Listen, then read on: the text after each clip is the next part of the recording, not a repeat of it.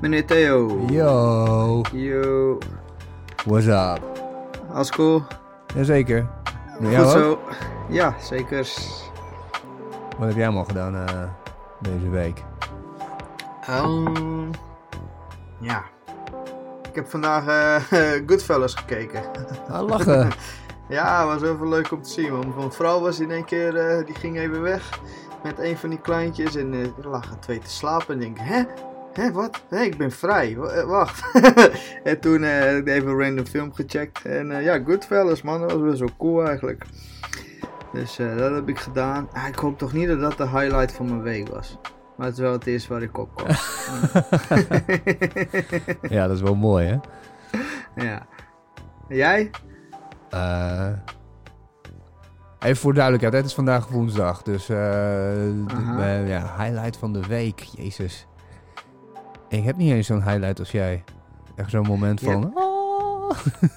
Nee, maar ik heb nog eentje en dat was ook met Netflix. Maar ik denk, ja, ik, misschien ben ik wel die leme gast, zeg maar. Maar ja, als jij dan helemaal niks hebt.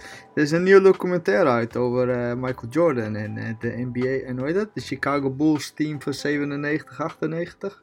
Oh, En sick. die is echt super vet. Echt geniaal. Ja, ik, tenminste, het was echt de tijd dat ik nog heel veel basketbal checkte. En ik was een Chicago Bulls fan. En eh, ja, echt, eh, ja, check it out man. Het heet eh, The Last Dance. Echt kippenvel, hé. Cool.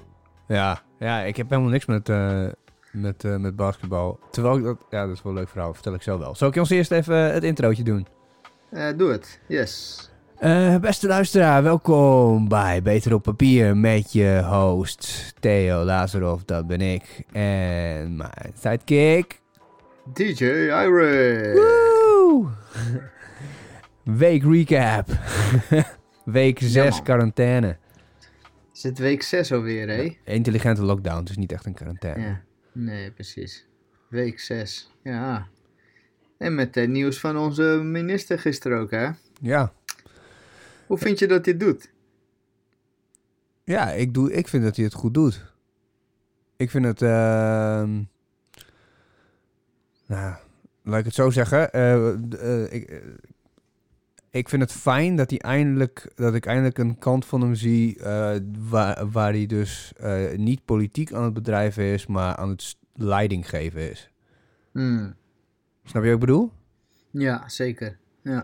Ik bedoel, als er bijvoorbeeld een... eh, op een gegeven moment kwam er zo van de, N- van het, de NOS ehm, een vraag. Eigenlijk de eerste vraag naar die persconferentie... Waar, waar, waar die zei dat de basisscholen open gingen...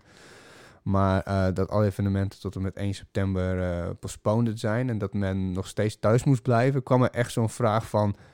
Ja, maar meneer de president, eh, wat... ehm, hoe kan dat nou? Hoe lang moeten we nog blijven, thuis blijven? Ik bedoel, u zegt, we doen het hartstikke goed, maar toch moeten we thuis blijven. En ik dacht van, gast, come on. Weet je, het is, het is niet als, alsof hij de leraar is en wij iets fout hebben gedaan of zo, weet je wel. Heel heftig, hè? Die ook. Je zag het ook als een ho. Hij, hij gaf echt zo'n gezicht van. Dude, ben je stupid of zo? Ik heb dat gewoon net haarfijn uitgelegd. En hoe kom je nou met deze vraag? Ja, ben je voor een mogol inderdaad. Nou ja, ik was ook daar ook een beetje pissed off over. Toen zei mijn vrouw van. Ja, maar dat weet je toch zelf ook wel. Dat zeg je ook altijd tegen mij. Die, eh, veel journalisten die vragen gewoon de, de vraag die de gemiddelde intelligente man ook zou vragen. Ja, eigenlijk net daaronder zou ik bijna zeggen. Dus het is een beetje een soort van. Nou, wat zou Jan met de pet eh, vragen? Dat ga ik ook vragen. Tuurlijk, tuurlijk, tuurlijk. Maar het, hij, hij- dat ging, het, ging me ook niet echt om de vraag. Het ging me om, om het toontje. En het, he- het was gewoon echt zo'n echt zo'n zuur toontje, zeg maar. Zo van, nou, eh, meneer, eh, was het, hè? het was Ja, echt een beetje... En hij herhaalde hem ook nog een keer, zeg maar. Ja, ja. Nee, ik ben, ik daar ook wel gevat. Heb ik hem eerlijk gezegd daarna ook wel volgens mij was ik een beetje eh, niet, niet echt heel verder meer gecheckt. Want die vragen boeien meestal toch ook niet heel erg. Het was ook niet nodig, weet je. Want het was gewoon heel helder. Het was echt duidelijk wat die vent wilde. Beetje zuur voor eh, de artiesten en de evenementenmensen. Want we zitten tot september met niks. Maar ja, je weet in ieder geval wat de deal is. Dus eh, ja, de kinderen weer naar school en dan de gasthouder, dat was ik ook wel echt heel, heel ja, dat was echt positief ook voor, voor mij eh, dan. wat betekent dit voor jou? Dat jij gewoon eh, vanaf... Eh, eh, nou, v- vanaf 12 mei, dat is nog wel de vraag hoor, want in principe het, het mag dan wel. Hè. Via de, in Groningen hebben de SKSG en die organiseren de kinderdagverblijven en gasthouders. En wat ik wel, tenminste dat vul ik eigenlijk zelf een beetje in. Volgens mij mogen zij zelf invullen hoe dat dan gaat gebeuren. Eh, hoe dat weer her- heropend wordt. Maar in principe denk ik dat we vanaf 12 mei mijn kinderen weer naar de gasthouder kunnen sturen. En dat betekent dat ik eh, drie dagen per week in ieder geval weer aan het werk kan. Oh, lekker. Dus eh, ja, dat was echt al bevrijdend, hè? Ja, want dat is, ik, ik, ik vind het zo apart om, om nu eigenlijk voor het eerst echt heel duidelijk door te krijgen hoe het systeem werkt. En het is, het is super naïef voor mezelf, vind ik, vind ik eigenlijk. Dat toen het struck me en toen dacht ik van, echt waar, dacht, heb ik tot nu toe echt in Sinterklaas geloofd of zo, weet je wel. Maar dat je, eh, je bent als kind, heb je zoiets van, ja, ik moet naar school. En op een gegeven moment, ja, tot, tot, tot je zestiende is het verplicht, weet je wel. En eh, Mhm. dan denk je van ja, maar ja, verplicht. En wat betekent dat? Waarom is het eigenlijk verplicht tot aan je zestiende? En dan, eh, ja, maar eigenlijk ga je toch nog het liefst tot je achttiende naar school. Als je Mhm. een beetje doorstudeert en zo. En ehm, nou ja, zo, en voor het eerst in mijn leven kwam het echt zo van, het is dagbesteding. Weet je? Ja, dat, je dat, jij, dat jij gewoon je ouders met rust laat, terwijl je aan het opgroeien bent. Ja, zodat die ook eh, aan hun manis kunnen komen en hun eigen dingen kunnen doen. Precies. Ja, dat is, dat is zo, ja. Ja, het heeft natuurlijk meer dan één functie, maar eentje daarvan is absoluut... eh, Dit is wel echt ja, een van de belangrijkste functies, zeg maar. Tuurlijk, het leidt je op. Maar ik bedoel, kom aan, hoeveel talen spreek jij na, na, na je middelbare school? Bij wijze van, weet je? Ja, precies. Ja, ja. Nou ja, ja, dat kan, hè. Dat, dat gebeurt.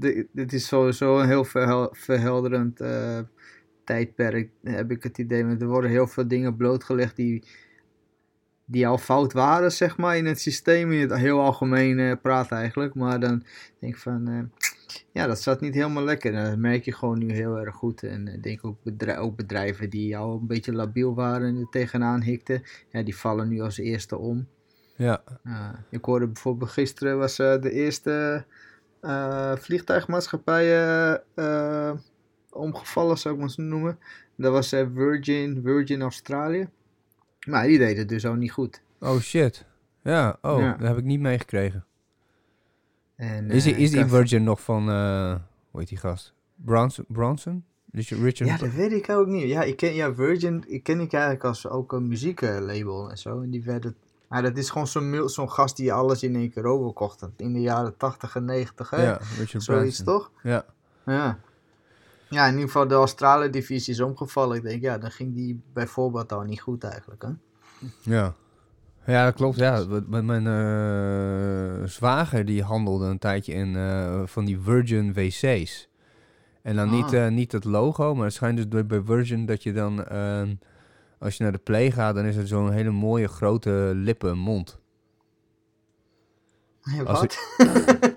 Van die lippen zijn het dan. De, het urinoir is een soort van, van, van, van hele Oh mooie ja, die volle ken ik rode wel. Ja, ja, ja. Dat is dus Een van, soort van. Rolling Stones eh, wc of zo, dacht ik altijd dat dat was. Ja, precies, maar het is dus Virgin. En, eh, en, en, Ah. en, mijn- en mijn eh, zwager, die, die, die, die, die handelt daar onder andere mee. Hij, handelt in heel veel dingen, maar... Oké. Ja, ja, ja dat is echt zo'n merchant is hij, zeg maar. Aha. Maakt niet eh, uit wat, als er geld in zit, verkoopt hij dat. Man, die gast is echt genius. Hij heeft een tijdje heeft hij een slag geslagen met van die babyspeentjes en dan zat er zo'n snorretje. Weet je wel, dat het gewoon als je hem in je mond hebt, dan, heb je, dan, dan, dan zit er een snorretje op getekend. Ja, ja. Dus dat, heeft hij, dat was een tijdje een hit. En eh, jaren geleden is dat. Ehm, Ja. Tegenwoordig eh, handelt hij wat meer kunstzinnige dingen in schilderijen en canvassen en dat soort shit. Aha. Maar ja, ook eh massagestaven, weet ik veel. het is echt, eh, het is echt, iemand, iemand echt, jongen, dat is echt de talent. Ik ben er echt eh, jaloers op, weet je. Want het is echt iemand die, die kan heel gefocust, zit hij dan bijvoorbeeld een hele nacht. Ik weet niet, hij heeft ook gewoon programmaatjes waarmee hij dan kijkt wat er op eBay op dat moment trending aan het verkopen is. Mhm. En dan zijn er bijvoorbeeld trucjes als, nou ja, stel je voor, jij wil plaat verkopen, weet je wel. Alleen er zijn van diezelfde plaat zijn, er zijn meerdere. Eh, en alleen, ja, je wil dat jij bovenaan komt. Dus eh, er zit, ik weet niet of het nu nog steeds is, maar er, er was een, een tijdje dat als jij iets gratis weggaf of iets voor een cent, dan, dan kwam je bovenaan, want dan ben je de goedkoopste. Maar dan is het 1 cent voor het cellofaan om de ongeopende plaat plus de plaat. Weet je wel, zo. Zo, zo kun je hem dan ja. aanbieden, weet je. Dus dat, Ja, soort, dat soort trucjes en nou, hij weet het allemaal gewoon. Het is, eh, pff, gasten, die, die, die handelt ook in... eh, ja, wat was het nou laatst? Echt, dat is een laatste grote hit. Eh, eh, hoe heet dat? Neon. Neonlampen. Shit. Ja, nou ja, het is gewoon, gewoon een za- zakenmannetje. Ja, het is gewoon hasselaar eigenlijk, hè? Die lui hasselen Ja, gewoon. vette hustler. Maar ook gewoon goede Ja. neuzen voor. Ik, ik, soms ik sta soms te kijken zegt hij van ja, nee. ehm, had hij weer een of andere. Ja, iets in het nieuws of zo. En dan had. Ja, ik weet niet meer precies wat het was. Er was iets in het nieuws van een een of andere opgeblazen Trump-pop. Heel groot. Mhm.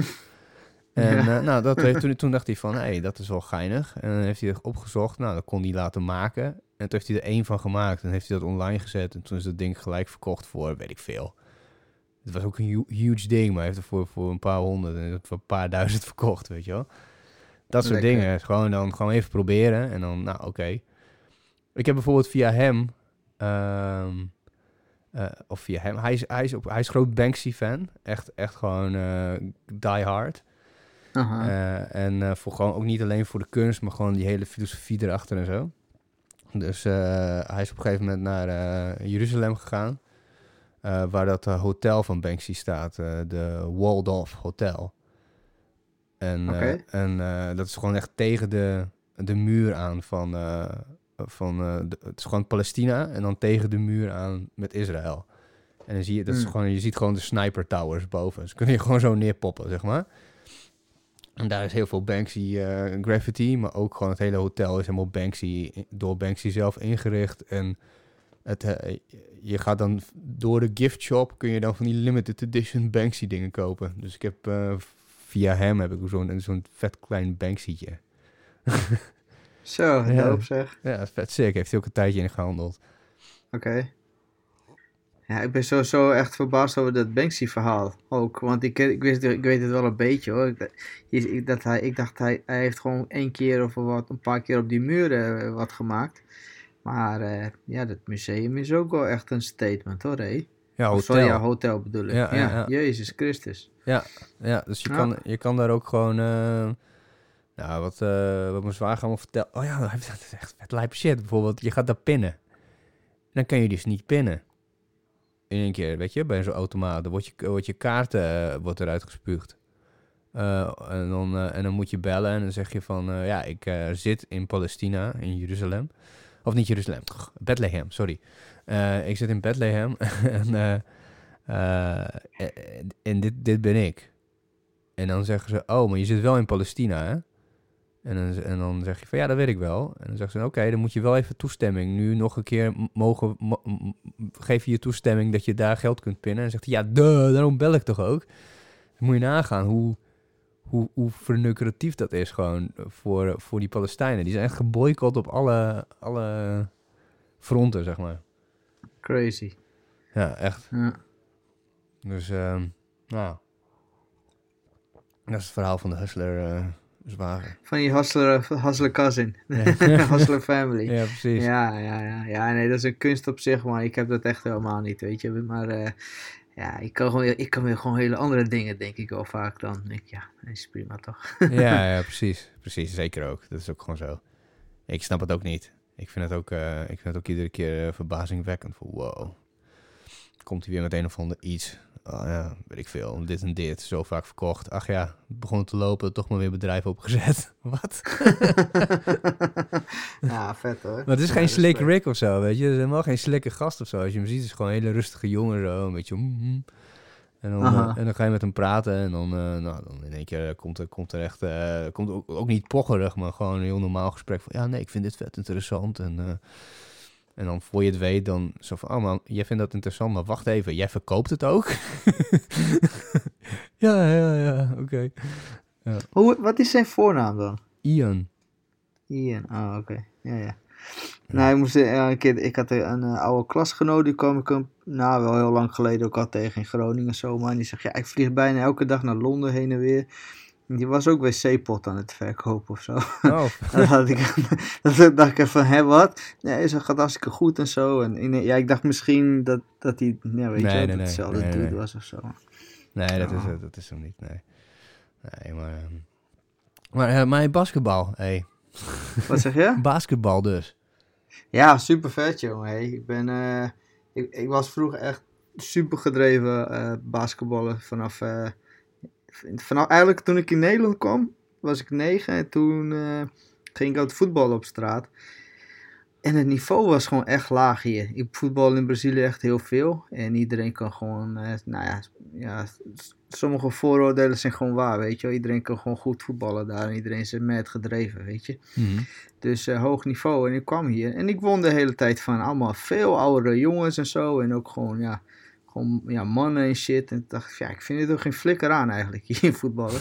en toen eh, ben ik gewoon be- eh, begonnen met basketballen. En er was een basketbalveldje bij ons in het, eh, in het flatgebouw in Herveen.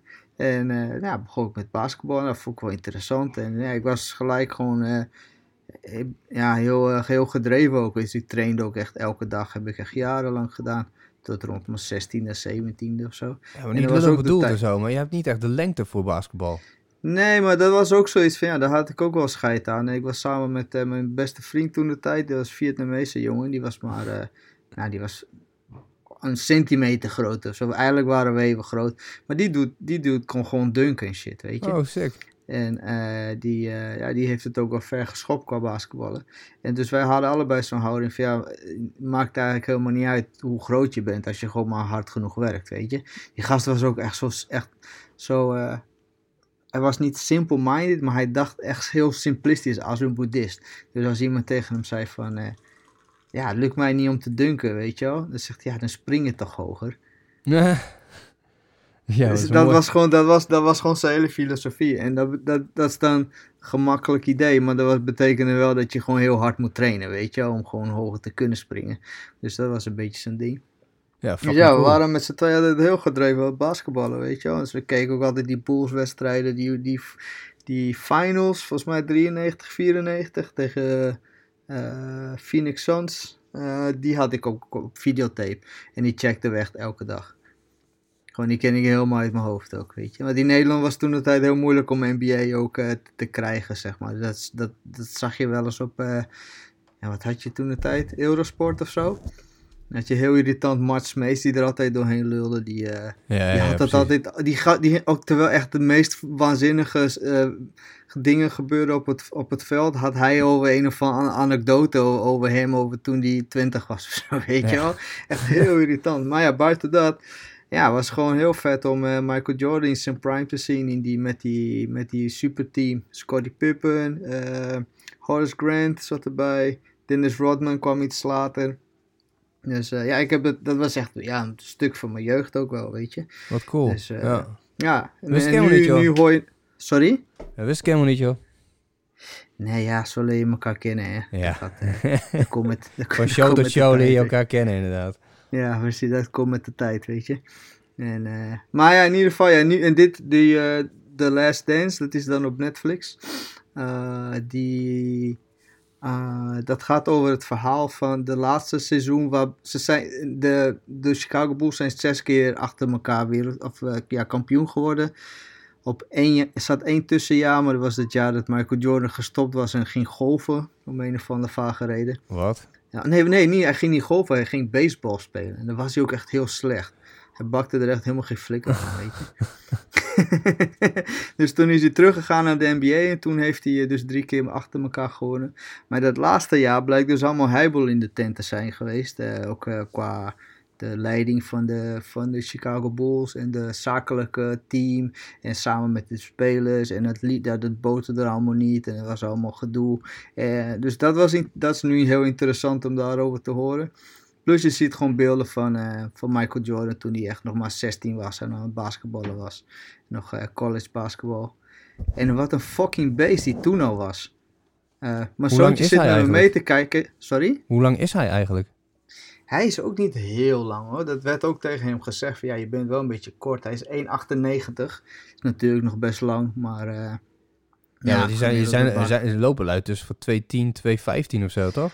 Ja, twee, zeg maar, Shaquille O'Neal is ook wel een hele bekende natuurlijk. Nou, die is 2,15. Maar je had zo'n ene gast, Mutombo of zo. Die gast was iets van 2,30. Wat? Doe die, even en die, kon- die hoefde echt niet te, die hoefde niet te springen om op de ring te komen. Die was daar gewoon. Je had ook zo'n Nederlandse dude toen de tijd, ben zijn naam kwijt. Volgens mij heet hij Rick Smeets. Dat weet ik niet zeker meer. Eh, maar ja, die was ook zoiets, man. 2,15 of zo. Dus, eh, Sick. Dat is echt Ja. sick. Dat is echt, ik, ik, heb wel eens, eh, ik ben één keer naar eh, Beijing geweest. En eh, toen gingen we met mijn ouders naar de, de Great Wall. En op een gegeven moment echt allemaal mensen om, om, om, om een paar lui heen. En die kwamen dichterbij. En het waren echt mega... Ja, ik weet niet wie het waren. Het was wel een of ander basketbalteam. Het waren ook een paar zwarte gasten, maar ook een paar witte gasten. en, eh, maar, maar die waren zo... Gewoon omdat komen die Chinezen, die stonden er allemaal omheen. Maar dat maakte ze nog extra groot, zeg maar. Dat, zo, zo dat echt... Ik denk als die... tw- Er waren bij, een paar bij... Als, als één Chinees op de andere zijn schouder zou staan... dan kwam je net bij zijn hoofd waarschijnlijk. ja, crazy, Echt hè? super crazy. Dat je gewoon van... Hoe kan dat? Weet je, zo groot. Aha. Ja, dan moet, dan, dan, dat, dat is chill voor basketbal. Maar voor de rest van je leven lijkt me dat niet relaxed. Nee, je zou maar in een vliegtuig moeten zitten, Ja. man. Precies, Of of, of, zoiets, of, of gewoon een bed, een normaal bed in een hotel. Ja, of gewoon bij mij in de woonkamer komen. Dat je gewoon je hoofd de hele tijd stoot. Gewoon. Oh my god. ja, gek, hè? ja. Nou, ja. Maar, maar heb, je, heb je ook bij Donar of zo gespeeld, toevallig? Nee, ik- dit was nog een tijd dat ik in Heerenveen woonde. Eh, ik was wel geselecteerd voor de Noord-Nederlandse team. Ik was door de selectie gekomen. En na de selectie, nadat ik was eh, aangenomen voor de Noord-Nederlandse, was voor mij echt een big deal. Toen bleek dat ik eh, drie dagen te oud was. Nee. En toen, eh, toen is dat toen allemaal niet doorgegaan. Dat vond ik echt Oh. kut. Dit was echt na honderden lui of zo. Je traint dan met z'n allen op zo'n dag. En dan ja, laat zien dat je het allemaal goed kan. En ik zat gewoon bij de top 10. Dus ik, was, ik zat erin, zeg maar. En toen gingen ze kijken. Ze van, ja, ik, ik ben dan 21 mei. En het was iets van, ja, weet ik veel. Tot 18 mei of zo. Het scheelde echt een paar dagen. Was echt, dat was echt wel frustrerend. Ik dacht van, ah, kut sorry. Anders had ik het, ja, was misschien dingen wel een beetje niet, anders eh, je dacht echt niet kut zo. Je dacht van, godverdamme. Ja, toen een tijd dacht ik, weet niet, ja, ik denk wel dat ik eerder godverdomme dacht dan kut, sorry. dat ik een beetje door het leven ging. Ik was denk ik vooral een beetje gefrustreerd toen. Dat kan ik me nog wel herinneren. Nou, ik kan, me, ik, ik kan me niet voorstellen dat ik ergens zo hard voor werk en dat ik eindelijk door ben en dan denk van yes. En dan is er van, ja, nee, sorry. Nou, weet je wat het is met basketbal? Dat heb ik ook in het leven ook wel meegenomen. Dat zo, zo is dat, weet je, dat ze... Dat is ook een van de redenen dat kinderen wel echt wel bijna verplicht na- moeten gaan sporten, weet je. Maar een van de dingen wat ik van mijn, eh, van mijn coach altijd leer, is dat de, ja, je, je, je viert zeg maar je winsten niet, maar je tegenslagen, daar ga je ook gelijk, de stap je als het ware overheen, want er moet altijd doorgesport worden. Ja. Dus, dus als je scoort, dan ga je dan niet heel, net als die voetballers, heel blij en eh, die maken allemaal salto's en shit en die gaan helemaal crazy, weet je wel. In basketbal heb je nog maar geen tijd voor, je hebt gescoord, je moet gelijk weer verdedigen. Ja, ja, ja. Eh, dus eh, ja, dat- dus dat neem je dan ook wel mee. Dus dat is ook wel een beetje je houding als basketballer, heb ik het idee. Je bent nooit, je bent altijd een beetje soort van neutraal. Nooit super blij, maar ook nooit super sad, zeg maar, weet je. Gewoon focused. Ja, Ja, dat is een ja goede houding. het is. Ja, Ja, nu je dus ja, dat heb ik, Ja. sorry? Ja, nee, ga verder. Ja, dat heb ik wel meegenomen bij veel, ook voor die DJ-wedstrijden later. Dat heeft me dat wel echt wel geholpen, weet je.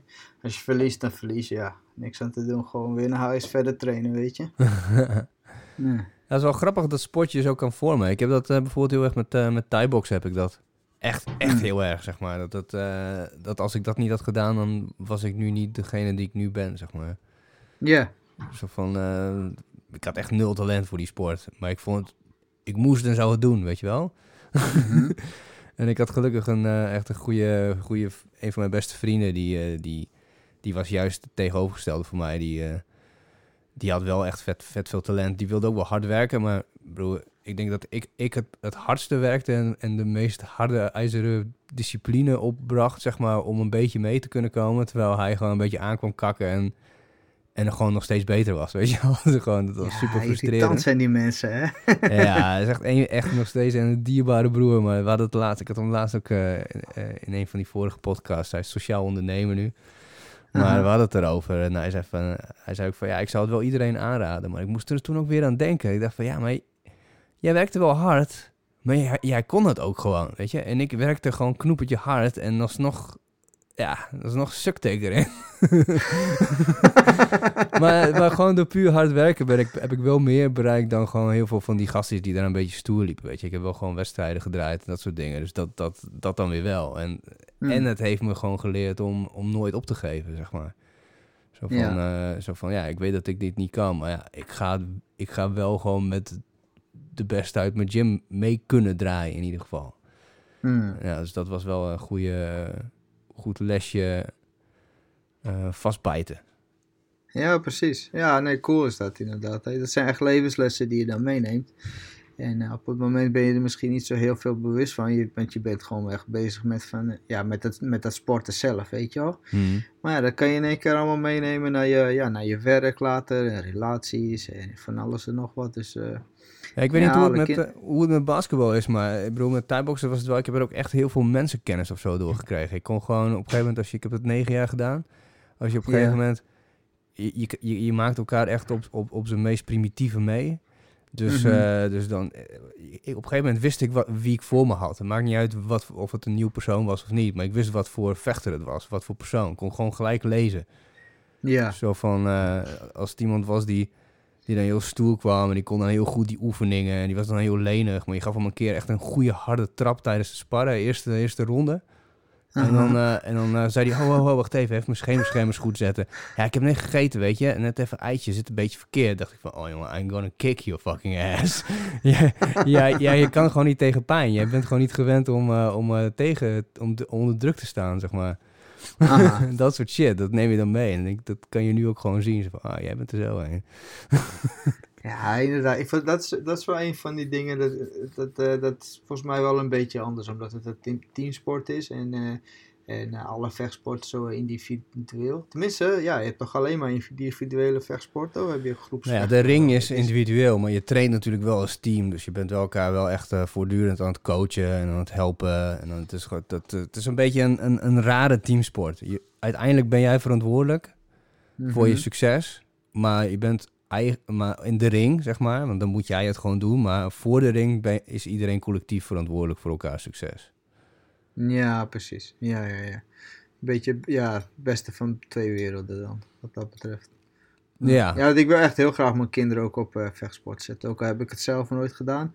Maar wat jij ook net uh, beschrijft, dat, in, dat inzien van, van wie je tegenover je hebt, dat is echt een, een skill die, je- die je hele leven kan gebruiken. En je hebt het niet eens door op het mo- moment dat je ermee bezig bent. Dus pas echt later dat je dan in één keer tegenover iemand staat en dan, en dan verbaas je jezelf dat je dan e- ergens voor knokt in een, in een discussie, zeg maar. Dan denk je van, wow, ik, ik, ik, ik ben weer aan het knokken, zeg maar. Zo, dat gevoel komt er dan.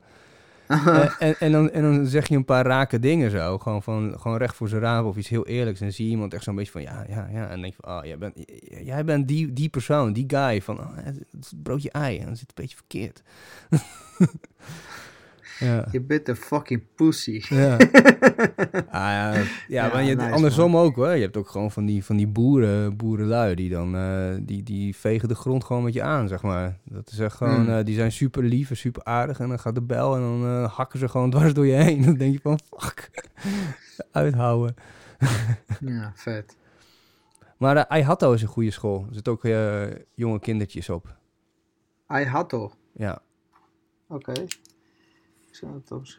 Ja, ik moet eerlijk zeggen, ik zit in eerste instantie ook een beetje aan capoeira te denken. Omdat, ja, omdat ik. Braziliaan ben. ja. Ja, en het is gewoon, dan leert hij ook Portugees gelijk. Maar je kan hem ook gewoon naar Aihatto en dan Brazilian Jiu-Jitsu laten doen. Ja, precies. Oké, nou, ik zal, ja, ik zal erover nadenken. gelijk grappelen. Gelijk, is hij op Wat zijn zeg je? Ook gelijk gravelen en eh, allemaal gewoon vette technieken. Ja, ik snap het jiu-jitsu echt helemaal niet. Ja, ik, tenminste, ja, ik heb, ik- nee. Ik snap, ik, ik hoor, ik ben, eh, ik luister natuurlijk omdat ik een podcaster ben, zou ik maar zeggen. Dan luister ik altijd naar Joe Rogan. Hmm. En als je ooit maar 1, 30 minuten naar die vent hebt geluisterd, dan heb je wel iets over jiu-jitsu gehoord, weet je. Hmm. En eh, ja, dat is ook eh, weer wat wij de hele tijd over hebben. Dat, gewoon, dat je daar skills leert die gewoon levenslessen, zeg maar. Eh, naast het fysieke. Dus dat snap ik allemaal wel. Maar voor de rest denk ik, ja, jiu-jitsu. Wat een raar woord. En dan is het ook nog Brazilian jiu-jitsu. Dan vertrouw ik het al helemaal niet. Ja. nou ja, oké, weet je wat wij gaan doen? Dan moeten we eigenlijk gewoon als, eh, als we weer gewoon wat, wat met wat meer mensen in de studio kunnen zitten, dan moeten we gewoon een keertje met mijn eh, tweede, of, maar ja, met mijn- een van mijn oude trainers gaan zitten. Die is toevallig ook de gitarist van mijn band. En dan, maar die, die gast, die, die, ja, die, die sportschool die ik net zei, dat is, eh, hij is mede-eigenaar, is gewoon van hem. Hij is al vanaf zijn Aha. 16e of 15e bezig met vechtsport. Dus super hoog niveau. Hij kan, hij kan het helemaal uiteenzetten op een hele logische manier. Zo, waar het verschil zit, wat vet is, wie, hoe, wat, weet je waarom. Want volgens mij zit het erin, jiu-jitsu is gewoon Japans. Het is gewoon een soort van de... ehm, misschien zeg ik nog wel bullshit, maar volgens mij is het is wat ik, wat, ik- wat, ik ervan weet, het is gewoon Japans. En het is een van de, van de manieren waardoor je zonder eh, eh, wapens nog, eh, nog een soort van jezelf kon beschermen. Mhm. En dat is toen door een of andere dude in Brazilië overgenomen. En daar zijn technieken en nieuwe, wat frissere, hoe heet het, eh, wijzen van, eh, van de sport benaderen zijn eraan toegevoegd. En daarom is Brazilian Ja. Jiu-Jitsu de beste op de grond, zeg maar. Aha. Ja, zoiets had ik ook begrepen. Er was ook een eh, familie die dat was, toch? Een of andere vader en die heeft als zijn zoon zo getraind. En die hebben dus dat voor Brazilian Jiu-Jitsu van gemaakt. Voor zover ik het begrijp. hoor. Ja, zoiets, ja. Ja, Ah. Ja, Nou, dat ik, eh, ja ik, eh, ik ga het overwegen. I had al. I had al. Hij had al. Staat voor Mhm. Isa Havid Tobias. Oh, niet waar. Fucking lame, man. nou, dat is dan weer jammer. ja, ja, ja, sorry to shatter your dream. maar ze hebben wel echt het, eh, dat logo, echt zo'n Mortal Kombat draak bijna ongeveer. Dat is wel vet. Mm. Wat ik wilde zeggen over basketbal. Mijn opa heeft dus in het Nationaal Bulgaarse team gebasketbal. Wow, dat is niet mis volgens mij. Want die eh, Oost-Europeanen, die kunnen er wel wat van, hè? Over Ja. het algemeen. In de jaren... Joegoslavië is volgens mij de grootste eh, Oost-Europese team. Is dat zo? Ja, ik weet er dus heel weinig van. Maar hij vertelde altijd dat ze bijvoorbeeld in de jaren zeventig, toen hij op zijn top was, toen eh, mochten ze niet, werden ze buitengesloten eh, voor de eh, Olympische Spelen. Omdat ze bij Rusland, bij de USSR zaten natuurlijk. Gewoon Balkan, Oostblok. En toen heeft Rusland een soort van met China een alternatieve Olympische Spelen hebben ze gedraaid. En toen zijn zij derde geworden of zo. Maar Zo. ja, wel, wel hoog. Je ziet hem ook, hij heeft ook een foto en dan, dan staat hij daar bij het, weet ik veel, plein van de hemelse vrede. En dan eh, krijgt hij zo'n handje van, nog net niet van Mao Zedong volgens mij. Maar ja, maar ik vind dat ook heel raar, weet je. Die gast is gewoon topsporter eh, geweest. Die heeft nog, tot een paar jaar geleden rende die nog eh, 20 kilometer per dag, zeg maar. Wauw. Ja, dus het komt wel ergens van. Aha. Mm. Maar ja, ik, eh, ik heb geen reden met basketbal. Ja, sorry. Mooi zo vet. stilte zo erin. ja, nee, ik wist niet zo goed wat ik daarom moet zeggen. Ik zei, ja, ik kan ook Nee. moeilijk zeggen, ja, moet je eens een keer gaan doen of zo dan. Ja, als je er niks mee Ja, hebt. Ja, ik snap, ik snap nee. het. Ik, vind, ik vond het met middelbare school vond ik het leuk, maar oké. Ja. Eventjes. Ja, omdat je dan niet in de klas zat. En dat was alle, het gym was altijd leuk, toch? Tenminste, ik vond het altijd geniaal. Nee, maar ik vond basketbal zelf gewoon als, als, als het potje basketballen vond ik, vond ik eh, ehm, gewoon een duid- duidelijke sport, zeg maar. Ook met, eh, we hebben ook wel eens gewonnen met eh, sportdagen en zo, weet je wel. Dan moest je ook heel is- zat je ook wel eens tegen lui die dan ook echt op basketbal zaten. En dat sukte echt zwaar. Dan zag je in één keer dat je helemaal geen reet kon en zo. Ja, precies. Ja, ja, ja. ja. Ja. Ja. Nou ja, goed. Maar ehm, hey, ik zat te denken, hè. We hadden ehm, eh, de, de krochten van, van de inbox.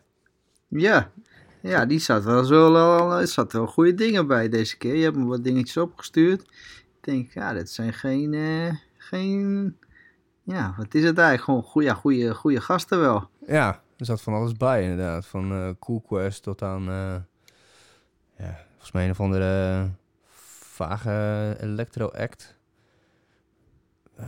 Met van die, Ik zit het ook even op te zoeken hoor. Weet het ook iets van Waveless Ocean. Had staan Oh er ja, hier. bij. Ja, Cool Quest, Broken Brass, ja, Below, Below Streamy. Zeg ik dat goed? Ja, geen Ja. Below.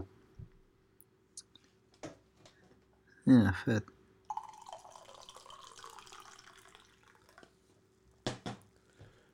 Maar jij hebt er eentje gekozen. Je hebt er eentje eruit eh, gerold.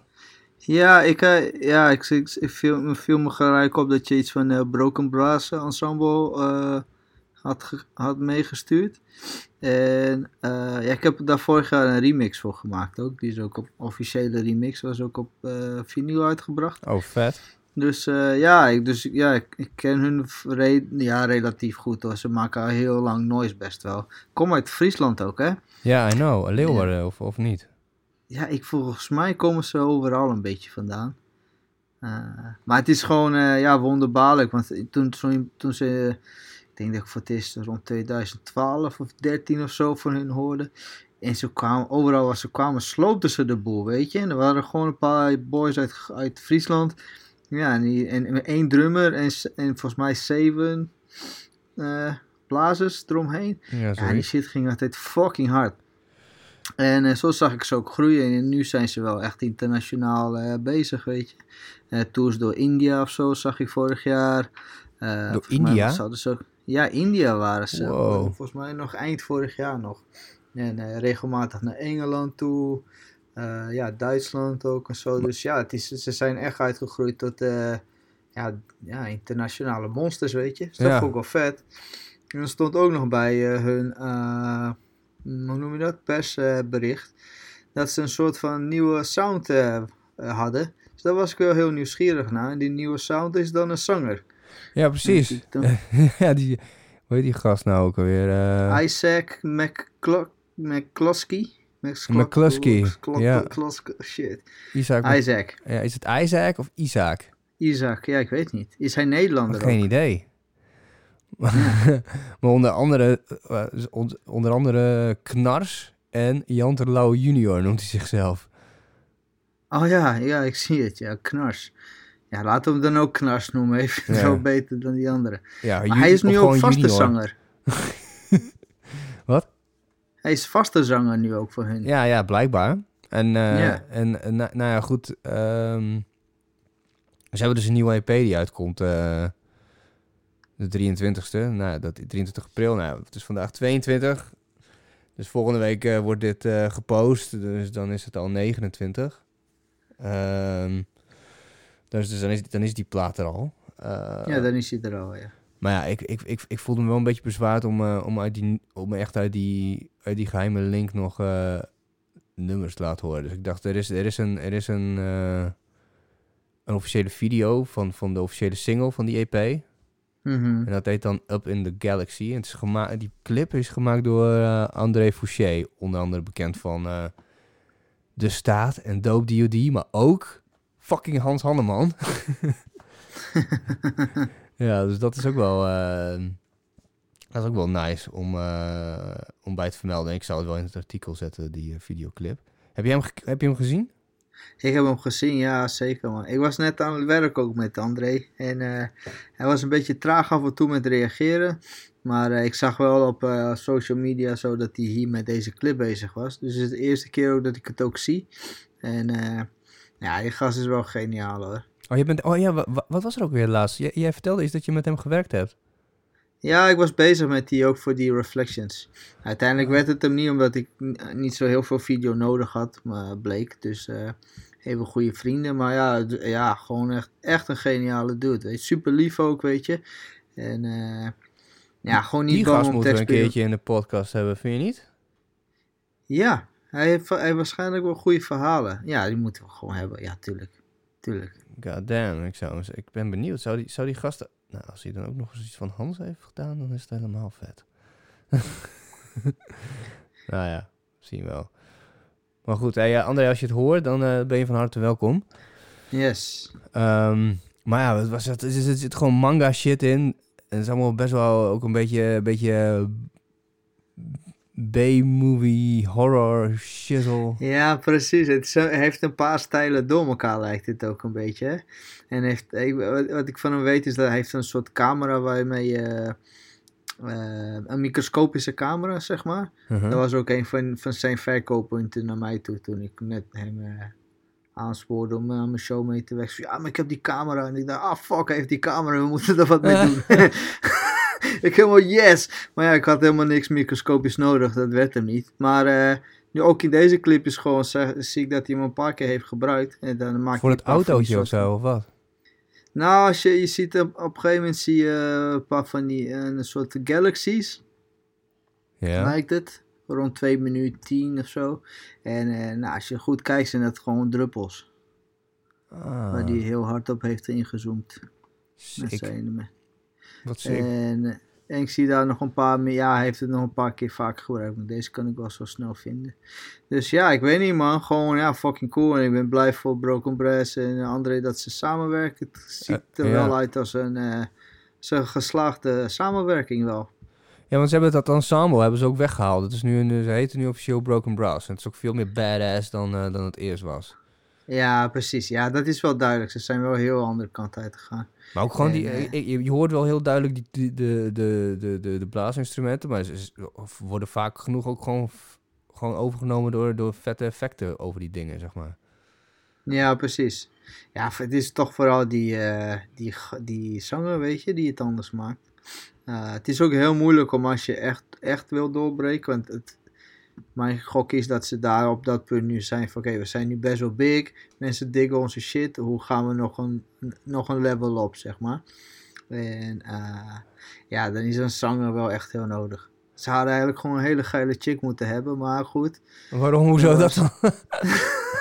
dan was ze misschien al wat sneller daar gekomen, maar uh, ja, dat weet ik verder. Ik ben ook niet hun manager, weet je. maar ik zit, uh, ik zit zo te kijken naar, uh, nog een keer naar die persbericht. En volgens mij, hij, dus, dat is niet zijn, Knars is niet zijn alter ego. Ik, ik dacht al, ik ken, ik ken dat ergens van. Dat is gewoon een band. Ah, kijk. Ja, precies. Nu lees ik het ook. Isaac maakte eerder na met onder andere Knars en Jan Ja, want ik heb hem wel eens gezien tijdens jam sessies in uh, Lola. Dat is echt wel een geniaal mannetje inderdaad. Hij, want er staat, mm. hij speelt trombone, dat, dat, staat er ook bij, ja.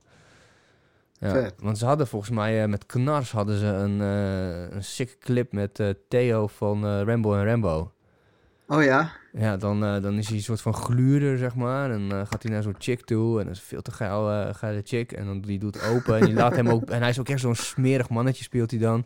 En dan doet ze open en dan gaat ze hem in één keer vol vastbinden en torturen en allemaal dat soort shit. Het was echt super wazige clip was dat. Oh yo. Dus het, dat badass, dat zit er wel, dat zit er wel in. Aha. Ja. Maar ja, wat staat er nog meer bij? Moeten we nog iets, uh, moeten we nog iets bij? Ja, de explosieve combinatie van flow van hip-hop, de drive van electro en de nog steeds aanstekelijke brass ja, sound. Ja, ja, ja, ja. Aha, aha, aha. Hey, ik zou nog even, ja, ik, ga, ik ben nu uh, toch wel weer met die manager te stellen, maar als je een keer wat geschreven wil hebben, dan ben je toch gewoon uh, Theodor Lazarov. jongen, jongen, jongen, dit kan echt niet zo. Ja, nee, nee, nee, precies. nou ja, hij kan, me, hij, kan me, hij kan me wel bellen, maar ik ga niet schrijven meer. Ik ga, ik ga tegenwoordig ga ik alles proberen in die podcast te drukken. dat scheelt me gewoon tijd. ja, ja. Goed man. Ja, het is best wel. Uh, het is, uh, nou, ik, ik, was wel onder de indruk. En ook gewoon die beat was gewoon wel gruwelijk. Maar goed, ik laat, ah. hem, um, ik laat hem straks wel even horen. Ondertussen hebben wij nog wel uh, een kwartiertje om te vullen. Okay. Voor, voor okay. de gast, onze gast van vanavond, aanschuift en ik afscheid van jou neem. Um, heb, je nog, heb je nog iets te melden? uh, ja, ja, ja, heb ik nog iets te melden? Nee, eigenlijk niet. Ik, ik dacht ook dat we een soort van uh, afronden van het gesprek waren. Ja, ja, ik ook. Want dus ik dacht, ik, we dus- vullen hem vast wel tot, uh, tot kwart voor, dacht ik. Maar ja, dus we waren er toch wel zwaar doorheen ondertussen. Ja, dus mijn energie. Ja, we kunnen ook net doen alsof, alsof ik, als, dan, dat ik, dat we nu afscheid nemen en dat je dan even edit, zo, en dat je dan gelijk je gast hebt. Maar dat, het, dat de audience, dat de luisteraar dan niet door heeft dat dat allemaal heeft plaatsgevonden. Ah ja, dat zou ook natuurlijk wel kunnen. Hmm. Ja, dat kan. Nou, doen we dat. Ja, ja oké. dan uh, luister je nu naar de nieuwe gast. Oké, okay, peace. Ja. nee, maar uh, ja, oké, ja, misschien wel even te melden dat, uh, dat ik echt heel veel meer streams ga doen. Elke vrijdag ben ik te horen op YouTube. Dat is misschien een persoonlijk ding. Uh, en ik ben wel bezig om op andere kanalen ook te gaan streamen. Misschien ook om daar wat uh, cent, cent, aan te verdienen. Ik ben even, gezien 1 september nu duidelijk is dat, ik tot 1 september waarschijnlijk niet ga optreden. Uh, ga ik me nu echt heel erg focussen op ja, wat ik allemaal live kan gaan doen. Dus ja, als mensen geïnteresseerd zijn in mijn werk, kunnen ze dat sowieso checken. Maar wat, wat, waar ga je op streamen dan precies? Nou, er is, uh, er is een nieuw, uh, of een oud platform, dat heet uh, Mixcloud. Daar heb je misschien wel eens van gehoord. Ja, ja, ik, ik, ben zelfs lid van Mixcloud, maar ik gebruik het nooit. Kijk eens aan. Ja, dat is, dat is heel erg DJ-gericht. Ik denk wel dat er wat podcasts op staan, maar dat is eigenlijk, nou, ik denk 99% alleen maar DJ's. En die zijn al een tijdje bezig om het aantrekkelijk te maken voor, voor DJ's. dat, en, en, en radioshows trouwens ook. Uh, om, om daar shows als het ware te verkopen. Dus dan kan je, kan je content posten. en je mhm. kan, mensen kunnen het gratis luisteren, maar je kan ook lid worden van, van een artiest. Dus dan sponsor je zoiets van 3 euro per maand of zoiets. En dan krijg je ook exclusive content. Dus dat is op zich al leuk. Uh, oh, daar ja. zat ik het een beetje tegenaan tekenen van ja, wil ik dat? En, en, dan moet je toch ook best veel content gaan maken. En kan ik het allemaal wel waarmaken en al, al dat al die twijfels. Uh, maar, ze komen nu met, maar ze komen nu met een uh, nieuwe, uh, nieuwe stijl. want je kan tegenwoordig ook audio en video streamen daar op Mixcloud. Oh wow, dat is jouw ding. Ja, ja en, dat, en dan word je dus niet afgekikt voor, voor, wegens copyright schending. Zoals bijvoorbeeld op Instagram of Facebook of wat dan ook. want Mixcloud heeft een soort van radioachtige licentie. Waarbij je dus ja, alles mag spelen wat je mag spelen. En daar, uh, daar zijn ze gewoon heel cool op ingesprongen. Ze hebben gezien dat uh, de hele DJ-community nu aan het streamen is, zo goed als. En, uh, maar dat we ook de hele tijd die copyright issues hebben. Dus ze hebben het, een beta-versie van hun streaming-platform hebben ze nu uitgebracht. Daar kun je ook gelijk mee beginnen. Dus ja, we gaan een beetje beginnen te experimenteren. En met wij bedoel ik ja, DJ Fris en Alex Meza en ik. Dat zijn mijn partners op het moment. Ja, Fris is de oude, van, oude DJ van Krantje Papi, toch? Ja, oude, ja, al heel lang niet meer. Maar vroeger was hij DJ van Krantje, inderdaad. Ja, wat, doet, wat, wat, wat doet hij, behalve jouw laminaat leggen? Uh, hij, hij heeft zijn eigen label, dat heet in, de, in de Lobby, geloof ik. In My Lobby. In de Lobby, denk ik. En hij is, in, hij is naar Den Haag verhuisd. En toen is hij daar terechtgekomen bij een elektronische band die Playground Zero heet. Oh, dat zie ik wel zo voorbij komen. Ze waren nu bezig met een derde album. Uh, en uh, heeft net een, net een album gemaakt ook voor een van de artiesten van Steen. Ben zijn naam even kwijt, maar heeft die album volledig geproduceerd. En die gaat ook wel lekker. Van Steen of van Steend? Steen. Ken je die gast, die rapper Steen? Ja, rapper Steen. Ja, ja, zeker ken ik die gast. Ja, zeker wel. Ja, ik vind het een beetje stom dat ik nu die, die rappersnaam vergeten ben, maar... Oh, eh, een, een, vriendje van Steen. Ja, een vriendje van Steen, inderdaad. Oh shit. Ja, Infected Records heet het. Die, uh, de label. En die dude heet dan. Ik niet of ik het toch over heb. Hoe heet die chappie dan? Uh, dus ze zitten allemaal bij elkaar. Uh, een leuk feitje voor. Ik weet niet of het nog steeds zo is. Maar volgens mij werkte Steen samen met het gastje. En nog een paar andere rappers in zo'n callcenter. Wat een beetje wat soepelere uren en zo had. En wat meer begrip voor artiesten. In een callcenter? Ja, dat heeft hij oh, in ieder geval heel lang gedaan. Ik weet niet of... Ik hoop, ik hoop voor hem dat hij het nu niet doet, maar hij heeft het wel fucking lang gedaan. Ja, het, ja, het verbaast me niks. Hij is wel zo iemand die soort van... Uh, ja, hij wil gewoon hij wil geen water bij de wijn bij zijn muziek, weet je. Dus uh, als hij zoiets heeft van ja, ik, verdien, ik kan hier mijn geld niet mee verdienen, dus ga ik ergens anders mijn geld verdienen, maar mijn muziek blijft dan wat het is dan uh, ja, dat is volgens mij wel steen, weet je. Ja, kadaver rap deed hij toch? Dat is toch een beetje zijn ding? Ja, dat is een beetje een ding, ja. Ja, ja het is gewoon op, ja, beetje obscure shit ook inderdaad. Ik ben niet ontzettend fan ervan hoor. Het is echt heel hard en zo. En uh, een beetje chockerend is het ook wel. Ja. En uh, ja, dikke middelvinger omhoog naar alles, gewoon altijd. Ja, want ik weet nog dat Tom, die... Uh, mijn dat mag collega, die, die, die is een vette fan van hem. En toen wij echt net in Simplon kwamen, uh, toen, toen uh, heeft hij volgens mij zichzelf uh, erin geluld naar een concert om te interviewen. En toen heeft hij echt, echt fucking lang met hem gepraat. Dat Mhm. was echt een, een supergoed interview. Echt heel oprecht. En dan zegt hij ook van ja, weet je, ik zet gewoon een maskertje op. En ik ben gewoon, ik was vroeger misschien wel die gast van eh, snuiven, pillen en eh jonko's en alles. Maar ja, ik bedoel, eh, daar verdien ik nu gewoon, dat, dat, is, dat is gewoon mijn image. Dan ga ik op podium, ben ik dat. Dan ga ik er vanaf, ben ik gewoon een- dude, weet je. Dus ben ik gewoon Stijn. En dan... eh eh, van dat hij het op een gegeven moment wel helemaal klaar mee was. Dat er allemaal lui na de, na de show wel binnenkwamen om met hem speed te snuiven. En al dat soort shit. Dat hij zo zei van, jongen, eh, eh, eh, weet je... Waarschijnlijk is mijn spul toch honderd keer beter dan dat van jou. Of zou het er nou? ja, dus eh, wat grappig dat, eh, dat eh, Fris daar eh, shit voor doet. Ja, inderdaad. Ik, die doet heet trouwens Stef, als je daar eh, benieuwd naar bent. Eh, en de album heet Wat denk je, wat denk je zelf? Wat denk je zelf is het dan, zeg maar. Maar wat denk je IE zelf? Eh, ja, Stef. Ja, hele gekke plaat is het ook geworden. Een beetje zo drum en bass zit er ook in, maar heel veel bass shit. En ook een, wel een beetje hip-hop. Echt hartstikke experimenteel. En Fris vertelde ook, dus hij had best wel veel met die steen te maken. En eh, dus hij stuurde wel shit op, weet je wel. Het was de eerste keer dat Fris eh, een album helemaal in zijn eentje produceerde voor een andere rapper.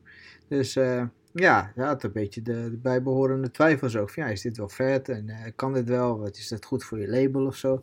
Eh, stuurde af en toe wel dingen naar hem toe, naar die eh, Steen. Maar die heeft echt nog nooit kritiek gehad, ever. Alles was gewoon, ja, is goed man. Als je dit wil, is cool. Ja, maar En, eh, ik heb het idee dat hij juist best wel een perfectionist is of zo. Dus dan zou Fris dan helemaal eh, gewoon eh, een perfectionist zijn. Eh, nou, mm, ja, nee, weet ik niet. Ja, zoals het overkwam. Ja, ik, ik vertel natuurlijk iemand anders verhaal nu, dus ik was er zelf niet echt bij. Maar zoals, zoals het bij mij overkwam, was dat hij zoiets had van, ja, nou ja, weet je, gast, ik breng het wel uit, wil je dit hebben? Ja, dan, blijkbaar heb jij dit gemaakt omdat je dat dan vet vindt, weet je. Dus dan, ja, ik hoef het alleen maar uit te brengen. Mhm. Dus eh, ja, dat vind ik wel op zich wel een coole houding ook wel. Beetje dubbel, hè. Het is ook, lijkt ook een beetje afstandelijk. Zo van, ja, ik ga er echt niet echt goed naar luisteren of zo. Oh, ja. oh, wat- oh, wacht even, ik begreep het niet. Eh, Fris heeft dat bij hem uitgebracht? Ja, precies. Oké, Ah. dus ja, even voor de duidelijke. Steen heeft een label. eh, Infectious Records. en- ja, precies, inderdaad. En die Stef, die zit bij het label van Steen. Ah ja, oké. Dus die plaat is uitgebracht onder de label van Steen. Ja, ja, ja, ja. oké. Moet je maar even een linkje sturen, zet ik het wel even in het, eh, in het artikel. Ik ben wel heel benieuwd ook nu naar, de, naar, die, eh, naar die plaat. Ah, goed. Ja, dat is wel cool. Dat is wel een goed idee om te doen, man. Ja, Ja. we kunnen DJ Fris ook altijd te gast hebben, hoor. Ja, dat is Geen vet leuk. Ja. En die Stef eh, lijkt me een beetje een ingewikkelde gast eigenlijk. Hij was ook vroeger... eh, Acrobaat. Hij was, hij was battle rapper, zeg maar. Oh shit, je kent hem nog van vroeger? Nou, ik er niet hoor, dat heb ik me laten vertellen ook. Die Nederlandse battle rap ding is een beetje langs me heen gegaan zo. Maar ja, en dus, dus hij neemt het ook, net als wat wij het over hadden met sport in het begin. Mhm. Van oké, battle rap is dan zijn, eh, zijn sport. Eh, maar hij neemt het dan mee in het echte leven. Dus hij is altijd bij de hand ook gewoon. je, kan, je moet altijd op je tenen, weet je. Van ja, straks zegt hij lijpe shit tegen je. Moet je wel iets lijps terugzeggen, weet je wel. Ja, ach Dus ja, ik ben- ja, ik- als er iemand een meester is in het oude weirde van mensen, dan ben ik het wel, denk ik. Kijk eens. Nou, oké, ja, dan moeten we... Misschien moeten we eens een keertje samen hebben, man. Stef en Fris. Lijkt me best wel kick eigenlijk. Ja, waarom niet? Waarom niet? Ja, ja, dat hoeft, dat hoeft het niet per se gelijk zo'n beide handen podcast te worden. want- Alleen maar beef, weet je. Helemaal niet met elkaar eens. Hi, ik heet Stef. Ja, echt niet. Echt niet, jongen. Fuck off. Fuck off, joh. Wat denk je zelf? Ah ja. Ja, maar, eh, nou, goed, goed idee. maar, in ieder geval, jij, in ieder geval ben jij eh, elke ehm, eh, vrijdag te zien op, op, ook op alle streaming dingen of alleen op Insta? Nee, ik ben, ja, ik ben een beetje af van het Insta wel. Ik vind het niet zo heel fijn daar streamen. Ik, ook qua, qua camera's en zo, weet je. je hebt, ik, ik doe dan wel mijn telefoontje, zeg maar. Het ziet er allemaal een beetje cheap uit, vind ik. Dus eh, ik stream nu sowieso op YouTube. Eh, ja, dat is gewoon DJ Irie, mijn YouTube kanaal. Dus dat kan je wel vinden. En op, op Insta, dan komen wel alle informatie voor wanneer ik online ben en zulke dingen. Eh, ik ben ook op Twitch sinds kort. Dat is een hele ja, ja, migratie, zou ik zeggen, van allemaal DJ's die, die altijd op Instagram proberen te, te, te streamen, maar die er allemaal af, af worden gekikt. Er heeft een van iemand uitgevonden dat je op Twitch gewoon eh, lekker kan streamen. Dus eh, het is echt, iedereen gaat massaal daar, daar naartoe. Ik ben laatst Dus ook eh, lid geworden van Twitch. Ik was echt gefascineerd. Ik bedoel, je, van gamers, zeg maar, want, want dat, dat is het oorspronkelijk, Aha. tot aan, volgens mij, Bu- Bud. Ken je dat Bud Festival? Nee. Dat zijn eh, uit het zuiden, dus het betekent niet Bud als in Groningen van, eh, van gekkie, maar het betekent echt gewoon Bud van troep, van drap, zeg maar, goor. Oké. En dat is gewoon van eh, Hans Minkers. Die, die, die heeft. ehm, die ging er altijd naartoe voor, voor woef shit en zo. Dat is echt van dat sleaze cinema. Aha. En ehm, die, die hebben normaal gesproken nu die editie, maar dat, dat kon niet. Dus ze streamen het via Twitch.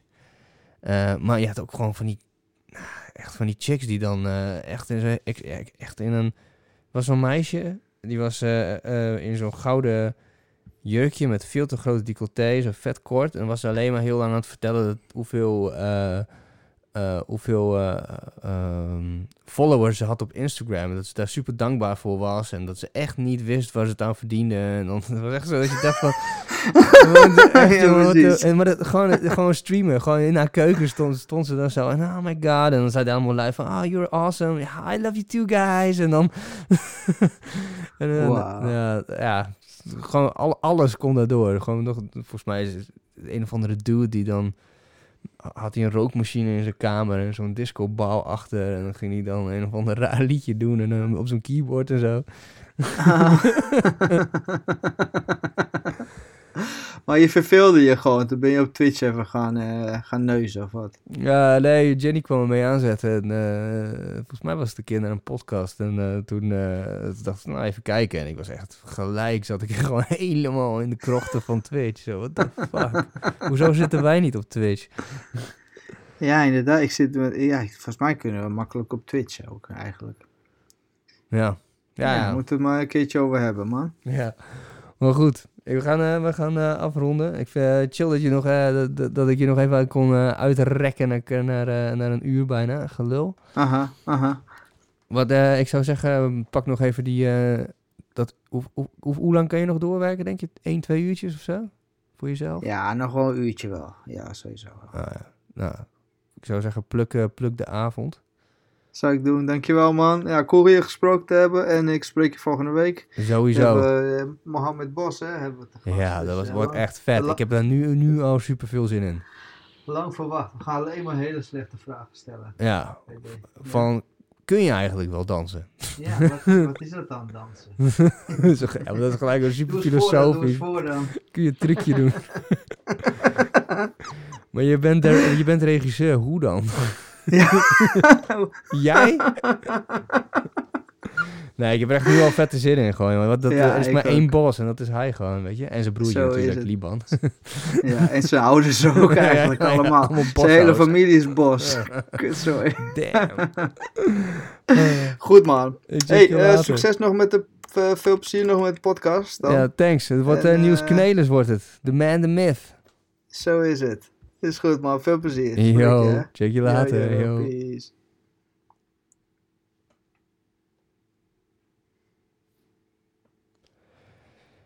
Ja, beste luisteraar. We zijn weer in een klein overgangetje naar de gast van vanavond. Ehm, je komt er wel eens tegen met zijn eh, lens om zijn nek. Wanneer hij eh, in Paradigm eh, rondhobbelt. Of ergens anders op een festival. In het, of het nou Welcome to the Future is. Of Dekmantel. Het is eh, makkelijk om hem te verwarren voor alleen maar een fotograaf. Want hij doet nog zoveel meer. Hij is eh, onder andere een van de mensen achter Clash in Groningen. Hij doet daar vet toffe shit mee. Gewoon een eh, kunst, muziek, alles bij elkaar. Dans, toneel. Gewoon echt super vet festival. Helaas kan het niet doorgaan nu. Maar ehm, daarnaast is hij allround entertainer. eh, Gaat ook onder de naam van de Niels of Steel. En eh, we gaan hem nu bellen. En het is Niels Knelismeyer.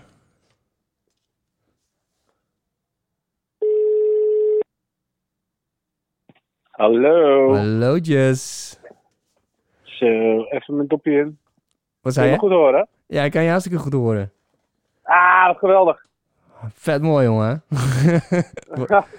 Beste kwaliteit ever. Super kwaliteit. Super.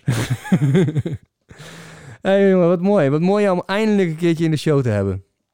Ja, precies. Vind ik ook leuk. Ik ben heel benieuwd. Ik ben meestal redelijk, eh, redelijk eh, compact van stof. Kort van stof wil ik niet zeggen, maar we zullen zien hoe lang we het volhouden, Theo. Ja man, eh, nou, ik heb, eh, ik heb daar een soort van eh, eh, op ehm, ingespeeld. Want ik heb net een uur lang met DJ Irie geluld.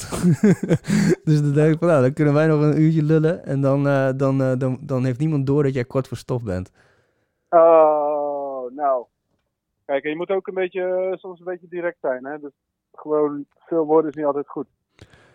Ja, nou, ja, wel, ja, wel als het je werk is, net als bij mij. Dan moet je het gewoon wel een beetje kunnen Oh, rekken. ja, dan verdien je meer geld, bedoel je. Eh, hangt er vanaf. Hangt er vanaf wie, je- wie je opdrachtgever is. Als je, Ah. per, als je per woord betaald wordt, zoals vroeger bij de universiteitskrant, ah, dat was nog een mooie tijden waren dat. Oh, ja, precies. Ja, dan, dan eh, zou ik misschien ook wel wat kunnen lullen. Ja, ja precies. maar ehm, hoe is het met je? ja, maar goed. Een beetje vreemd, hè? Een beetje eh, van, eh, van eh 50, 60, 70 uur per week werken naar, eh, nou, praktisch eh, niks doen. Eigenlijk. Ja, Dat is, eh, dat is een hele rare overgang. En eerlijk gezegd ook wel een beetje heftig of zo. Dat ik een beetje in het begin toch wel ook een beetje op slot kwam te staan of zo. ja, dat kan me wel voorstellen. Kan me echt wel voorstellen. Ja.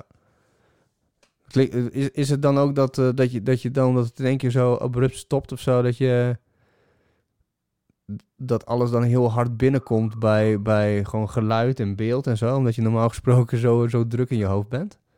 Ja, op zich wel. Nou, ik merkte dat ik eh, externe prikkels, zoals eh, mensen die iets van me wouden, telefoontjes en eh, de hele wereld die, die eh, rapperoer was, dat dat allemaal eh, best wel dat ik er behoorlijk van overprikkeld raakte, zeg maar. Ja. Dat is grappig dat je dat zegt. Ik heb dat, eh, ik heb dat ook gehad. Want ik, ik ben nou ja, sinds een paar maanden dus, dus in vaste dienst, maar daarvoor inderdaad ook gewoon 60, 70 uur. En dan, ehm, nou ja, goed, toen, toen ik dan gewoon vast, ja, dan heb je gewoon in één keer gewoon afgebakende tijden. En, eh, en dan weekend is weekend en dat soort dingen. Ja, Ah ja. echt, eh, ik vond het echt heftig, jongen. Het was echt, ik fietste soms eh, wel eens terug naar huis. En normaal gesproken dan had ik het idee van, dan had ik zoveel dingen nog in mijn hoofd, allemaal to-do-lijstjes. En dan als die prioriteiten voorbij waren, dan stond er nog wel een stapel tot aan mijn nek, zeg maar. Dus, eh, maar ja, dat was er nu niet. Dus ik fietste dan en dan in één keer kwam er een auto voorbij of zo. En ik, was, ik zag dat niet. En toen hij dan net langs me ging, niet eens, niet eens te dichtbij of zo. Maar dan schrok ik echt helemaal de tyfus of zo, weet je wel. Dat gewoon, komt gewoon heel hard binnen, helemaal prikkels. Ja. Ja, ja, precies. Ja, dat zijn de posttraumatische stressstoornis eh, van de ondernemerschap. ja, misschien. Ja. Maar eh, ja, en ergens was het ook wel lekker, zeg maar. Dat ik eindelijk eh, die milde, milde burn-out waar ik al een tijdje mee rondliep, eh, de ruimte kon geven. Maar kun je het, kun je het wel handelen nu? Qua gewoon nou ja, materieel, zeg maar? Bedoel, je, financieel? Ja? Ja, ik heb nog een beetje reserves en die regeling komt er natuurlijk aan.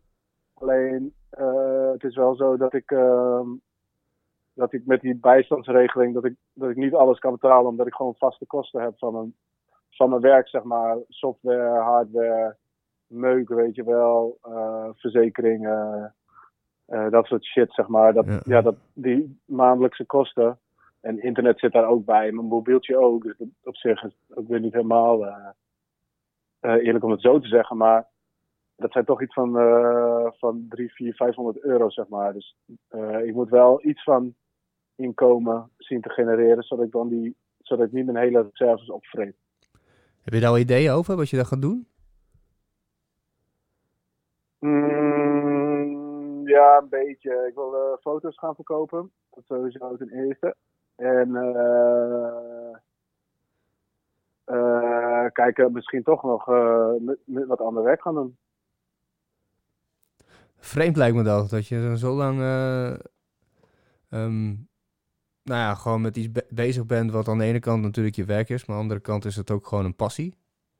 Mhm. En dan eh, dat, dat je die overstap eh, moet maken. Maar ja, ja, wat moet, moet natuurlijk. Dus Ja, nou ja, het is nu nog niet helemaal nodig. Maar nou ja, als we nu tot en met september. Op september heb ik eigenlijk amper inkomen. En heel veel andere eh, dingen, zeg maar, buiten de evenementenindustrie om. Ja, dat staat ook allemaal een beetje stil. Mensen willen gewoon niet te veel mensen overal hebben. Dus dan, ja, dan ga je niet een fotograaf inhuren voor een uitgebreide shoot. uitgebreide shoot of iets, weet je wel. Dus ja, de mogelijkheden zijn gewoon beperkt. Wel, ehm, ja, ik verwacht dat het wel weer iets meer gaat komen hoor. Dus ja, ik ga ook niet meteen eh, fulltime ergens eh, werk doen waar ik eigenlijk stiekem geen zin in heb.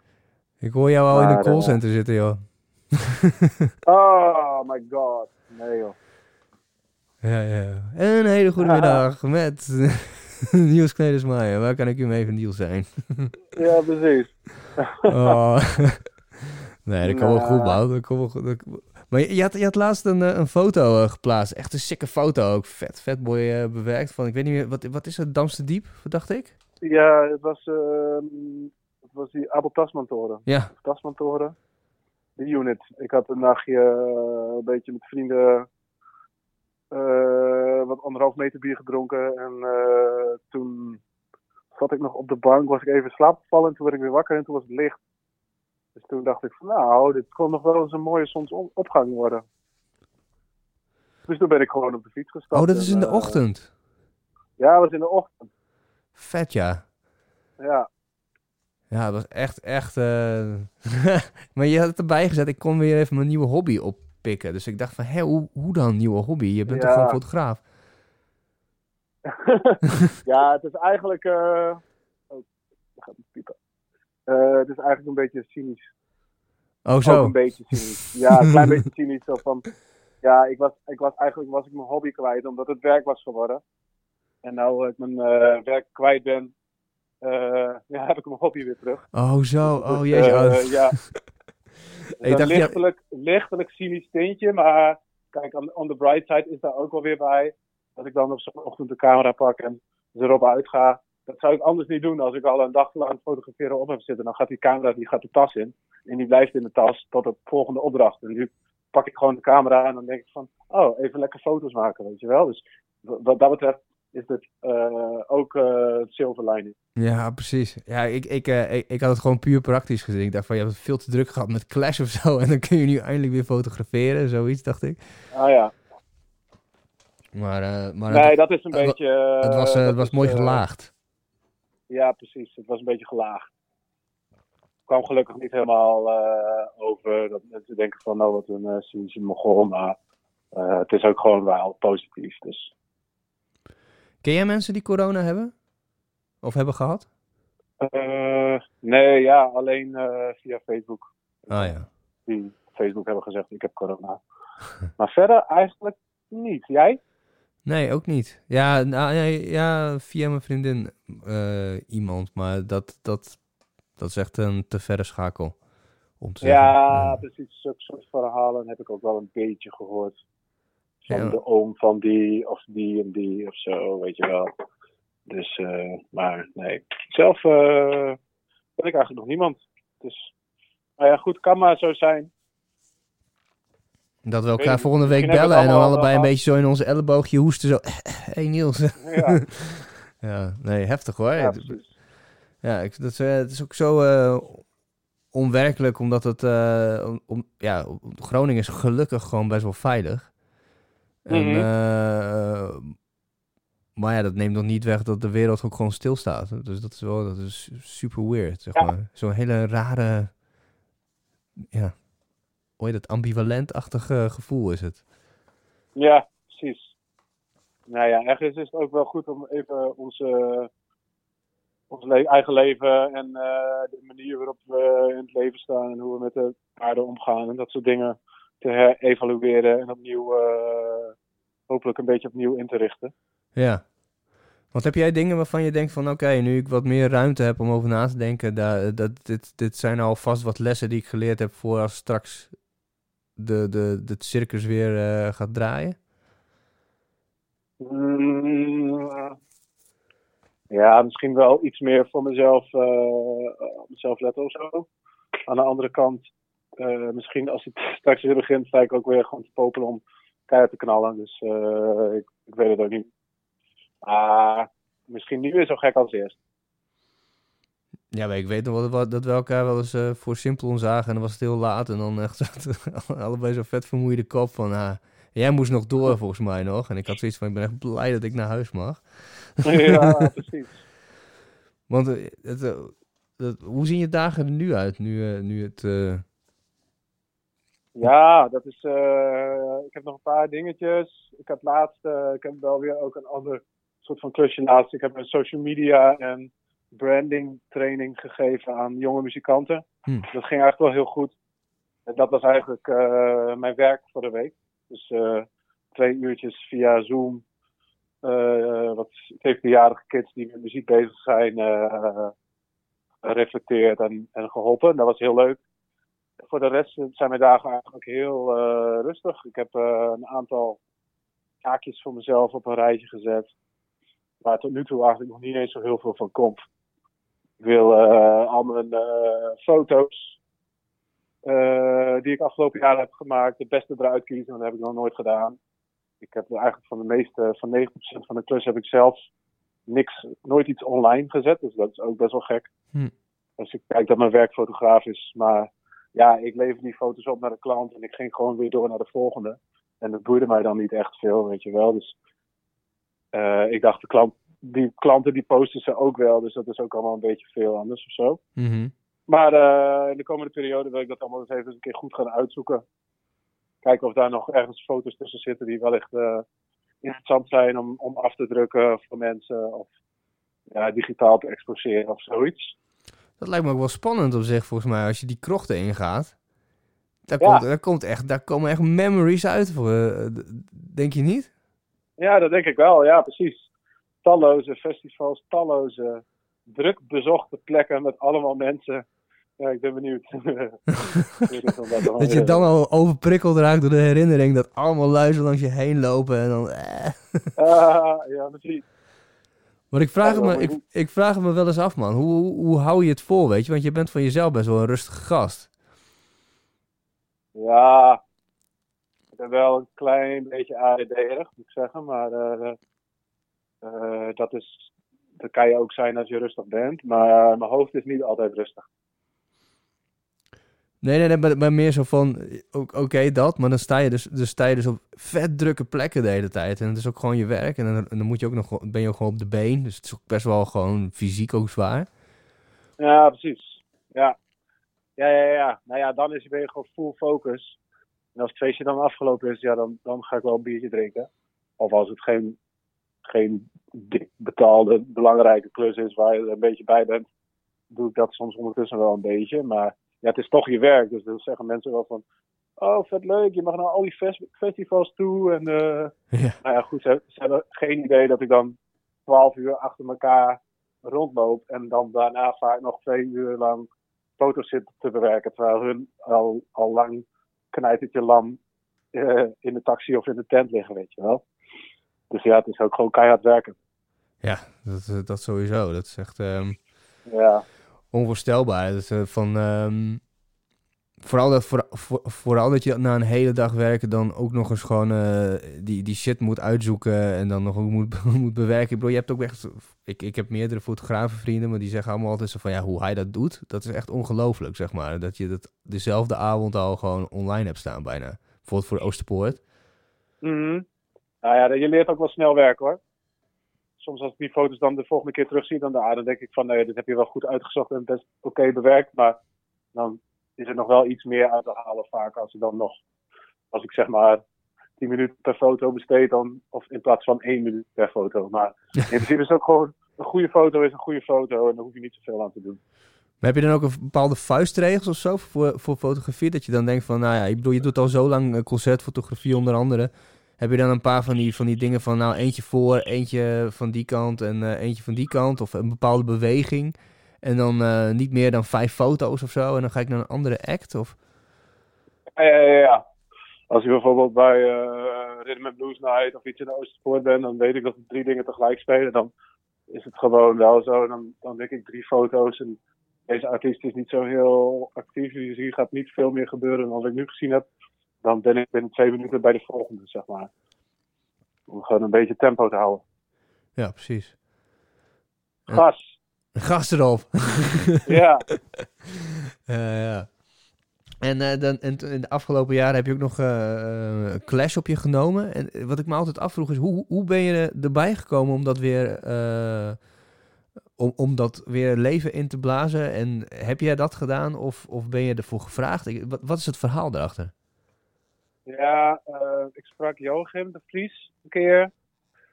En toen waren we een beetje aan het kletsen. Hij liep ook wel veel evenementen en zo.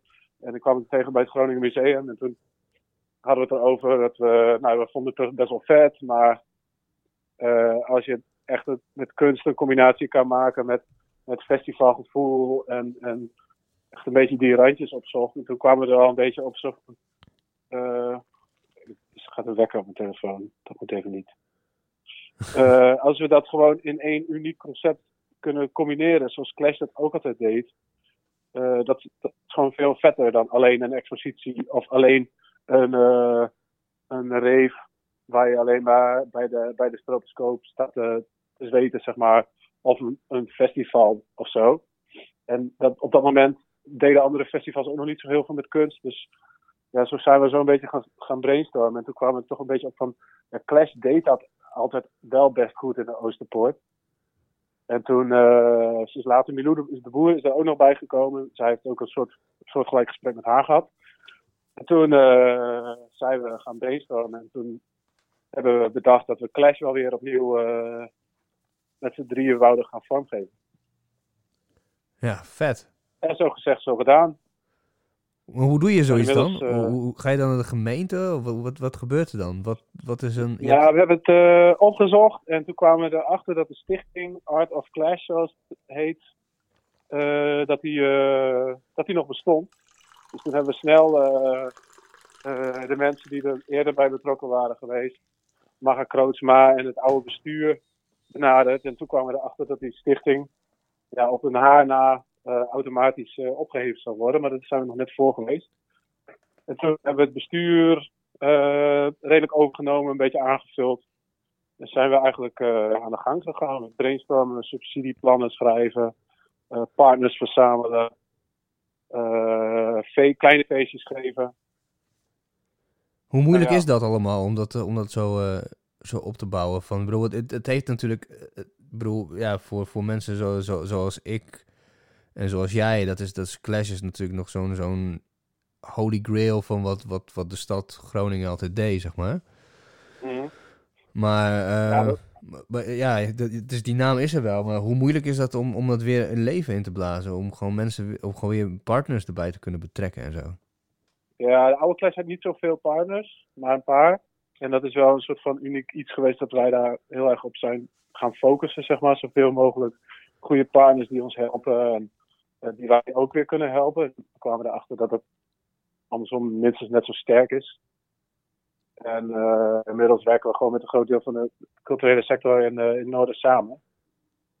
En we moesten ook wel een beetje de oude clash vergeten en ons nieuwe eigen idee erbij verzinnen, zeg maar. Dus het is ook wel ook wel echt een beetje anders dan hoe het vroeger was. Maar ja, dat was toen, toen relevant. Uh, hoe Clash toen was. Uh, wij, wij zijn er iets meer, nu zie je wel steeds vaker ook een kunstwerk op een festival of weet ik van wat. En dat was toen heel uniek, dus nu moesten we wel daar een stapje verder in gaan. En dan door te zorgen dat, dat de kunst en het muziek ook in elkaar overliep en uh, dat mensen verrast werden en dat er dat er werken waren die eigenlijk eh, half installatie, kunstwerk, half muziek optreden, zeg maar, allemaal een beetje iets meer richting avant-garde en gekkige, nieuwe, grootse, indrukwekkende dingen. Dat we daar iets meer richting gingen programmeren. Dus ja, het was al vrij snel van dat we een idee hadden van dit is Clash en zo willen wij het gaan doen. Ja, dat was dat. Natuurlijk niks ten nadele van het oude, maar als we dat, ja, als we dat weer hadden gedaan, dan, dan had iedereen gezegd van ja, maar dit is niet iets, iets nieuws, dit voegt niet iets toe of zo. Nee, ik ben, ik ben, ik, ja, je, je bouwt erop verder of zo. En dat was ook wat, wat ik persoonlijk had, was dat, dat op een of andere manier verwachtte ik het oude. En toen kwamen in één keer al die kleine feestjes, zeg maar. En toen, toen dacht ik van, hè? Nu is nu Clash? Oh nee, is nu Clash? Oh nee, oh jawel, maar, maar weet je, maar, jawel, jawel, jawel. Ja, dus echt, dat, dat, was echt super vet, zeg maar. Er werd echt in één keer, er werd ook echt gewoon een bepaalde spanning opgebouwd. Zo van, ja, precies. Maar ook met, uh, met Jonge Harten Festival en met die afterparty en... Uh, nou, dat ja, dat is ook geweldig elk jaar. En, ja, en, dan werk je, en dan werk je dan uh, nu, nu zo hard naartoe en dan gaat het niet door, uh, helaas. Ja. ja, dat is eigenlijk allemaal onwezenlijk. Dat werk, uh, we zitten op papier. Dus ja, we konden onszelf wel, betalen onszelf wel een klein beetje, maar dat staat niet in verhouding met de 1, 2, slechts 3 dagen per week wat we de, het hele jaar door insteken. Dus, Zoveel? Drie dagen per week? Of... Ja, en de drukperiode tussen de drie en vier dagen, zeg maar. Dat, het wel, uh, dat ik daar wel mee bezig was. En uh, de anderen ook. En uh, ja, de rest van het jaar eigenlijk ook wel een dag of twee in de week. Ehm, dus, dus dan, ja, dan is je grootste betaling is eigenlijk de ervaring. En als dat dan niet doorgaat, heb je toch een beetje voor Jan, Jan Snot gedaan of zo. Dus ja, dat is wel balen. Ja. Ja, ja, ja. Maar je, je had nog wel, wel een stream, zag ik. Ja, we hebben nog een stream uh, georganiseerd met een aantal uh, mensen van de line-up die iets van, van het huis wouden doen of live van het Oost. Dus dat was fantastisch dat we dat nog konden doen. Maar ja, dat was natuurlijk een, een scheet vergeleken met de wervelwind die we anders in Forum, Vera, Grand Theater en Oost hadden neer kunnen zetten. Weet je. Dat was, ja, ja, ik was leuk dat we het konden doen, maar ja, je wilt toch echt de fysieke ervaring van een festival. Dat is, waar, dat is waar je het plan voor schrijft. Ik weet nog wel dat jij vorig jaar uh, voor dat mag een uh, gids had geschreven van uh, hoe, je, hoe je Clash moest bewandelen, zeg maar, een route. Oh ja. en wat stond er? Ik weet niet meer. Eerst is het begon, het begon met een jointje en toen met een landje cat en het liep helemaal per act liep het zeg maar op naar een soort van climax en dan vervolgens werd het weer zo afgebouwd. Ja, precies. Ik had van alles, alles op het programma een uh, aanbevolen uh, substantie. narcotische substantie. Uh, ja. En het mooie was dat ik kwam dan mensen tegen om, toen, ik, toen ik daar zelf rondliep. En ik, ik gewoon, was gewoon hartstikke nuchter. Dus ik, ik kwam allemaal lui tegen. En, en die maakte allemaal, allemaal rare opmerkingen naar mij. Van, hey Theo, ga je lekker en zo. En ik dacht van, ja, hoe, hoe lang ken je me? Je weet toch dat ik gewoon best wel gewoon al een paar jaar gewoon hartstikke nuchter ben. En, -huh. en toen... En toen kwam er een vriendin van mij, een hele goeie, en die zei: Ik volg jou. Uh, uh, ik volg jouw schema op en ik ga uh, hard op, weet je wel zo. en, en, en, toen viel het kwartje. Dus ik dacht van, oh, wacht even. Dat is natuurlijk die shit die we gepubliceerd hebben. Dat heeft gewoon nieuws geschreven. ja, dat was wel fucking mooi. En, en mijn stagiair toen de tijd vloer, die heeft allemaal geluidsopnames gemaakt. En daar heeft ze een verhaal omheen gebouwd. Uh, en volgens mij tijdens die livestream uh, een paar weken geleden, toen um, appte ze me nog van ja, ik ben dit nu aan het kijken en ik heb zo vette herinneringen aan, aan, die, aan die avond. En ik vind het super jammer dat ik dit jaar niet heen kan. Dus um, ja, ik denk dat de pijn overal wel gevoeld is. Ja, zeker. Ook heel veel leuke, lieve reacties gehad van de mensen. En, en laat dit bovenop stellen, ik bedoel, de hele sector ligt op zijn gat en er zijn belangrijkere dingen. Dus het is ook wel zo gerelativeerd of zoiets. En na die eerste keer uh, goed erop janken, uh, moesten we ook in een andere versnelling en zorgen dat we een nieuwe datum kregen met al vier de uh, locaties. En ja, dan deel je daar op die manier mee. En je kan het, ja, het is toch gewoon een ding. ga ze, ga ze in het UMCG of in het Martini ziekenhuis kijken. Ja, dan, dan ben je dat zo weer vergeten, zeg maar, dat jouw festivalletje niet door kan gaan. Ja, precies. Groot gelijk. Maar wat ik wel, wat, Ja. ik, wat ik wel bijzonder vind, is dat je mensen hebben, of gewoon, of vaak hoor je als argument over cultuur, zo van, ehm, ach ja, cultuur, eh, wat is dat nou? Allemaal eh, linkse hobby's en eh, die luiden doen maar wat en dan eh, dan doen ze een beetje leuke dingen en dan willen ze er ook nog geld voor. Maar Mhm. cultuur is eigenlijk indirect, eh, levert het zoveel op, zeg maar. Ook gewoon qua geestelijke gezondheid, qua eh, eh, emotionele groei. En, en nu die hele wereld op zijn gat ligt daarmee, dan merk je dat wel. Dat lui echt gewoon een soort uit balans zijn. Er is gewoon geen uitlaatklep meer, er is geen bevestiging meer, er is ook geen ontkenning meer, weet je wel. Dat is gewoon, de Mhm. functie van, van cultuur wordt hier nu juist heel erg duidelijk, vind ik. Ja, ja, zeker. Absoluut.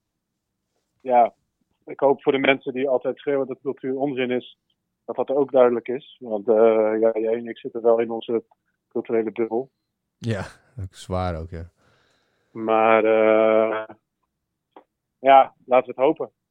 Laten we hopen dat als straks die, eh, dat alles weer op gang komt, dat niet alles kapot is. Of dat Oosterpoort alleen nog maar Frans Bauer kan pro- programmeren om, het, om de begroting rond te krijgen, zeg maar. Dat er, dat er ook nog ruimte is voor de nieuwe, leuke, spannende dingen. Want eh, Top 10 gold, Ja. eh, radio top 10 gold eh, in de Oosterpoort. En dan moet jij Ja, daar, hele week lang moet jij daar gewoon foto's maken.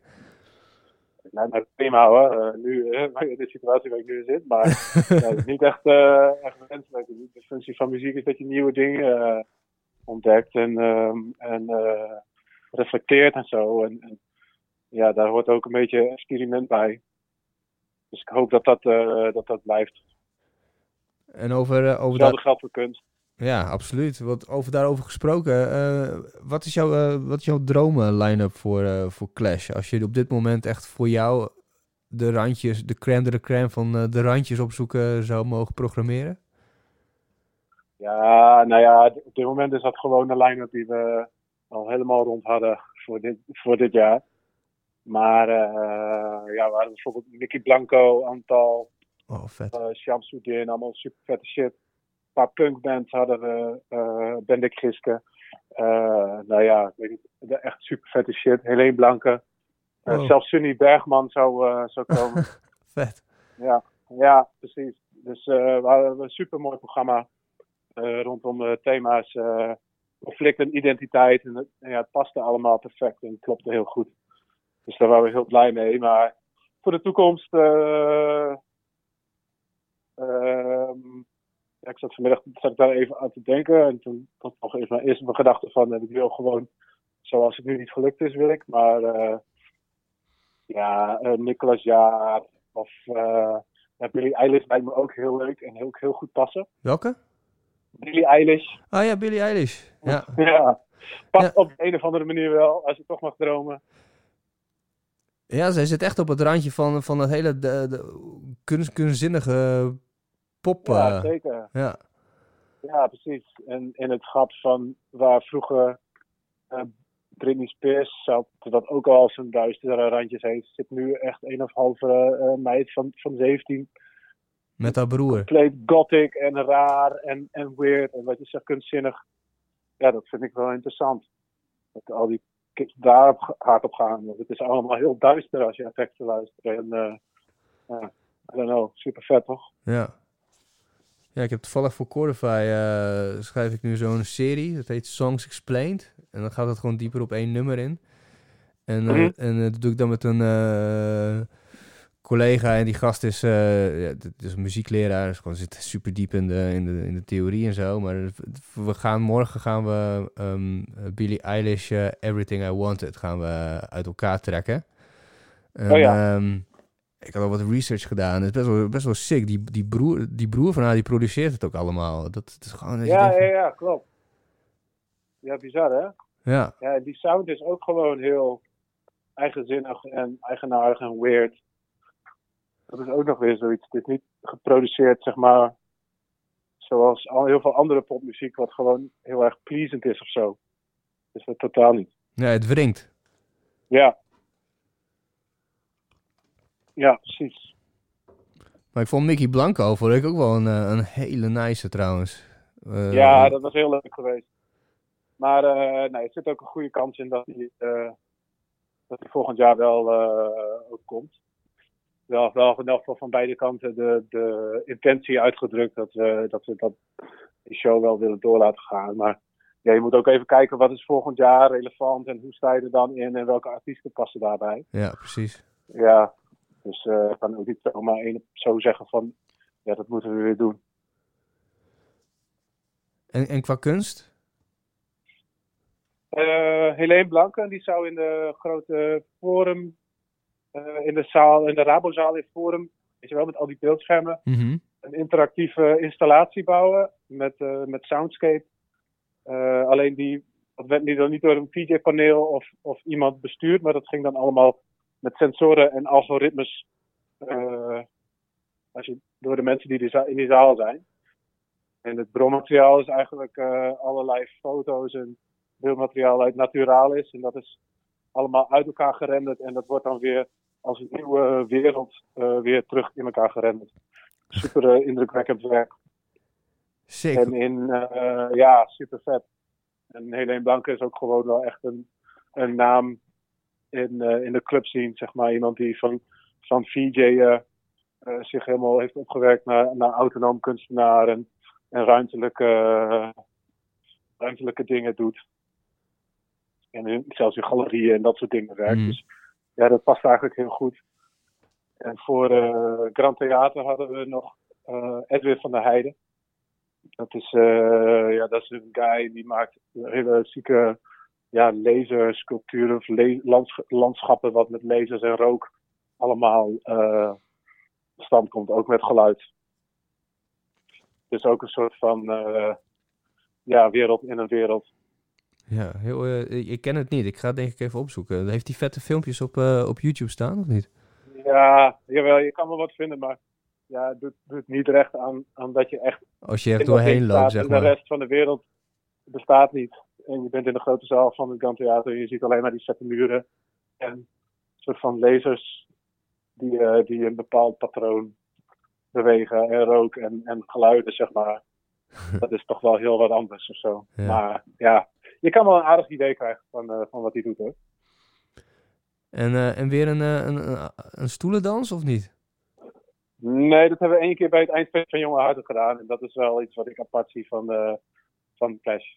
Ah ja. Dus één keer was het, was het leuk. En bij Jonge Harten is het ook allemaal net even wat losser en wat grappiger. En een beetje, een beetje met de feestneus of, of zo. Dat past er stoelendans bij. Maar bij de grote Clash vind ik het eigenlijk niet zo heel goed passen. Nee, precies. Nee, precies. Dat is ook mooi dat je ook die onderscheid maakt tussen die feestjes, zeg maar. Want het is dan...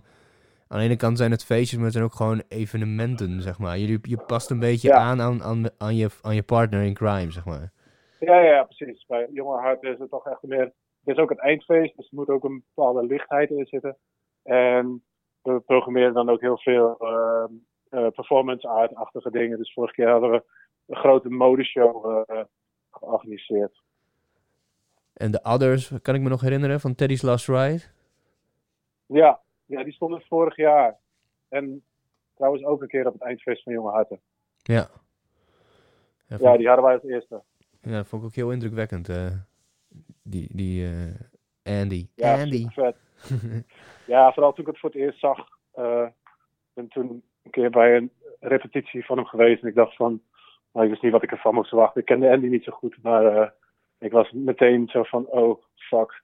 Heel chill dat we dit hebben. en hij had toen ook nog maar één liedje, weet je wel. Dus, ja, ik King maar Cobra was dat toch? Dat, dat was dat King Cobra liedje volgens mij. Ja, die, King Cobra. Ja. Zit nog steeds in mijn playlist trouwens. Super chill liedje. ja, die lui die zijn echt helemaal, dat is echt helemaal ontploft volgens mij. Die hebben ook al heel veel festivals gedaan, Paradigm, ook allemaal andere shit. Zag ik ze Lowlands of niet? Dat, ja, ik weet niet meer, maar wel zo. Ja, wel veel parade. Ja, Ja. allemaal, allemaal bij, voor het eerst bij Clash, weet je. ja, precies. En, Ja. Ja, wij hebben niet de hele show gehad, moet ik er wel bij zeggen. Die stond volgens mij voor het eerst bij The Village of bij Paradigm. Ah ja, ja. Maar wel, wel gewoon de act zelf, zeg maar. Dus dat was gewoon fucking vet, weet je. Mhm. Mhm. I feel you, I feel you. Heb jij, heb jij, lees je eh, of, eh, boeken en artikelen nu je wat meer tijd hebt? Eh, afgelopen tijd weer juist wat minder. Ehm, maar eh, ik lees heel veel artikelen. Altijd. Eh, heel veel Volkskrant, Vrij Nederland, Trouw, een beetje dat driehoekje. Eh, En eh, meest een beetje over sociologische dingen. Maar ehm, sinds het hele de COVID-crisis lees ik een stuk minder, moet ik zeggen. een beetje coronamoe. Beetje coronamoe en ja, elke dag al die cijfers om je oren heen krijgen, daar word je ook niet veel beter van. Want eh, ja, het is allemaal relatief. Er zijn vandaag 70 mensen overleden en morgen zijn er 20. En dan zeg ik je morgen van, oh jee, er zijn vandaag 20. En dan dag daarna weer 50. Weet je wel, oh 140. shit, toch weer minder. Weet je wel, ja. Laten we over drie maanden maar eens even kijken hoe het met die fucking flattende curve gaat. Maar ja, die dagelijkse update, dat, dat, in een whole scheme of things heeft het geen eh, informatieve relevantie, vind ik. Maar soms, ik lees wel wat achtergronddingen. eh overwegingen en dat soort dingen vind ik wel een beetje interessant. Is er iets nog wat je bij is gebleven? Van je denkt dat vond ik nog een vet artikel? Ja, er was één stuk, dat stond in de Volkskrant en dat ging over, eh, was een journalist die ging, eh, die is gewoon bij een aantal kerken eh, langs gegaan, net, net voordat of vlak nadat het eh, alles op slot ging, zeg maar. En, ja, dat vond ik wel een heel grappig stuk.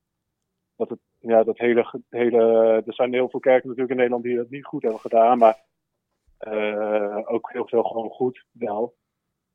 En nou ja, gewoon de manier waarop daar een lege kerk wordt beschreven, waar dan wel een kerkdienst aan de hand is.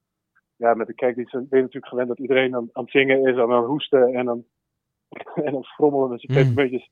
Ja, en in zo'n lege kerk valt het natuurlijk helemaal dood. En dat was eh, op een prachtige manier eh, beschreven. En dan je zegt iets van kerk, dan moest ik er gelijk denken aan een... eh, eh, aan echt zo'n zo, zo'n stuk wat ik, eh, ja, wat ik, wat ik zag van ehm, ergens in Latijns-Amerika eh, hadden ze eh, bedacht van jouw eh, zout, dat, eh, dat doodt wel bacteriën. Dus hadden ze in zo'n plantenspuit gedaan, zout water. En dan moest iedereen op zijn knieën met zijn mond open. En dan gingen ze dan gewoon in hun mond spuiten om bacteriën te doden. Oh, slim. Ja, heel slim. Alleen ze staken dat ding zo diep in hun mond, zeg maar, dat er waren een paar mensen die dus gewoon corona hadden. En ze Ja. die tuit niet schoon. Dus toen had iedereen gewoon Fucking corona. Ja, dat is echt, dat is echt dat ik, ik las dat en ik dacht van, oh wat, oh, wat kut ook, jongen. Dat is gewoon met je beste bedoelingen gewoon iedereen naar de tering geholpen. Mhm. Ja, Ja, maar ik zou dat ook even aan de dokter vragen voordat je zoutwater in iemands mond spuit. Of, hij, eh, of dat ook daadwerkelijk helpt. Ja, ja, ja, ja, ja, ja, precies. Ja, er was, er was eh, m- m- mijn pa, die, eh, die, eh, die zit in, eh, in China. En die moest ook echt Oh. natuurlijk in quarantaine en al die shit. Maar die stuurde me dus een bericht door van... ehm, ja, nee, je moet, al, je moet altijd dan je mond en je keel spoelen met lauw of warm water. En zo. En nou, dat schijnt heel erg goed te helpen. Want dat spoelt dan die bacteriën en die, dat virus weg. En ik had, het Oh. net, ik had het net gehoord en toen, toen klikte ik bij Zondag met Lubach. En die, dat was een van de fabeltjes rondom corona. Werd, dat werd een of, als tweede genoemd of zo, weet je. Van, die shit helpt niet. Nee. ja, Als jij die fucking virus in je bek hebt, dan heb je de virus in je bek. Ja. die gaat echt niet Ja. weg, zeg maar. Ja. Nee. Nou ja.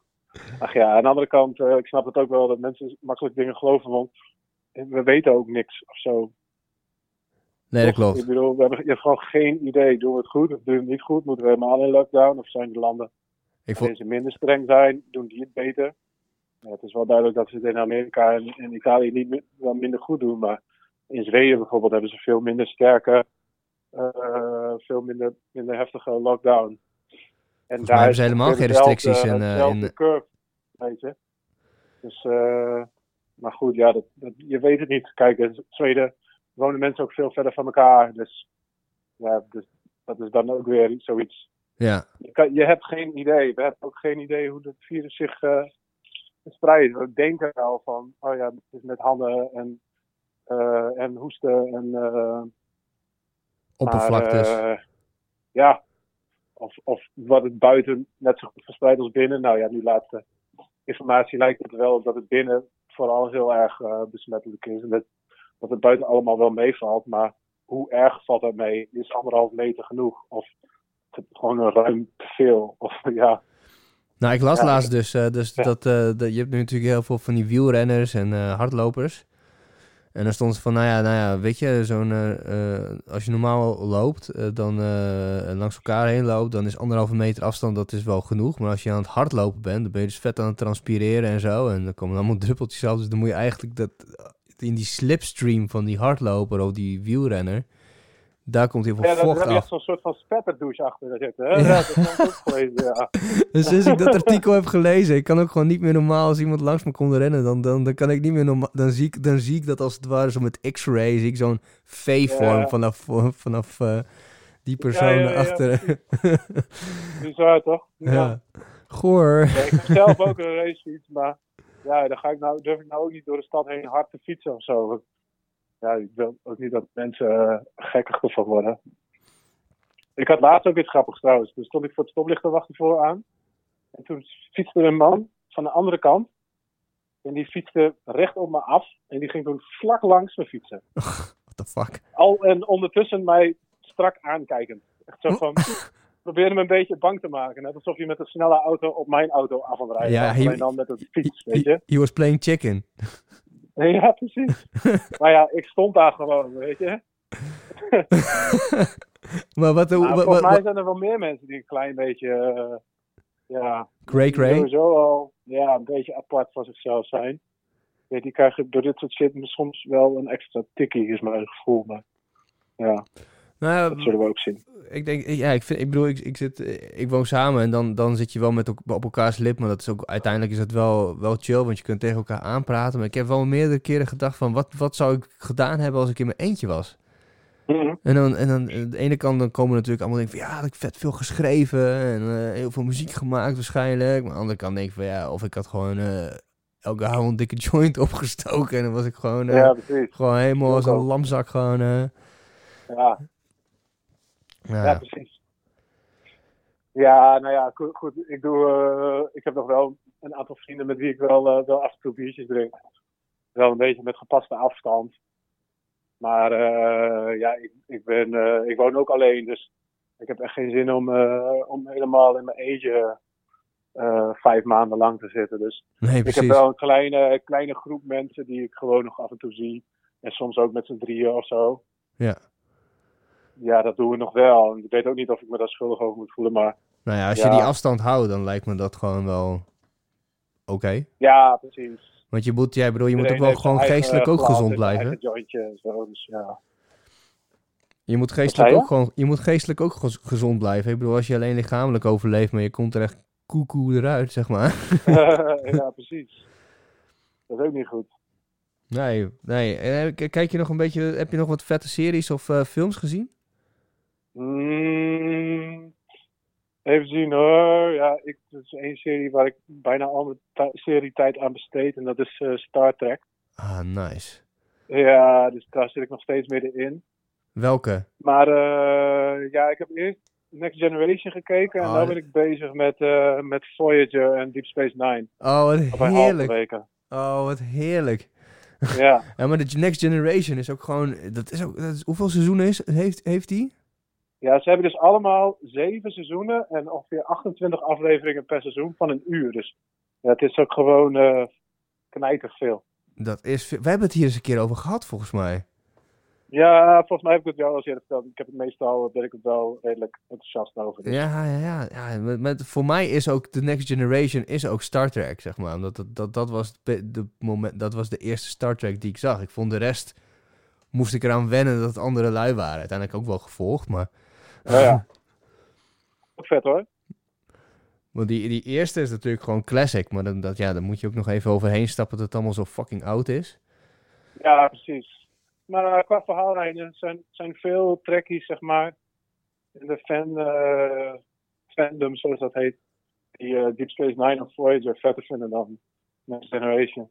En Ja, de Blasphemy. eerste twee seizoenen zijn ook niet zo goed hoor. Ja, ik weet niet hoor. Ik vind, eh, ik vind eh, Captain Picard is toch wel een vette baas. Ja, klopt.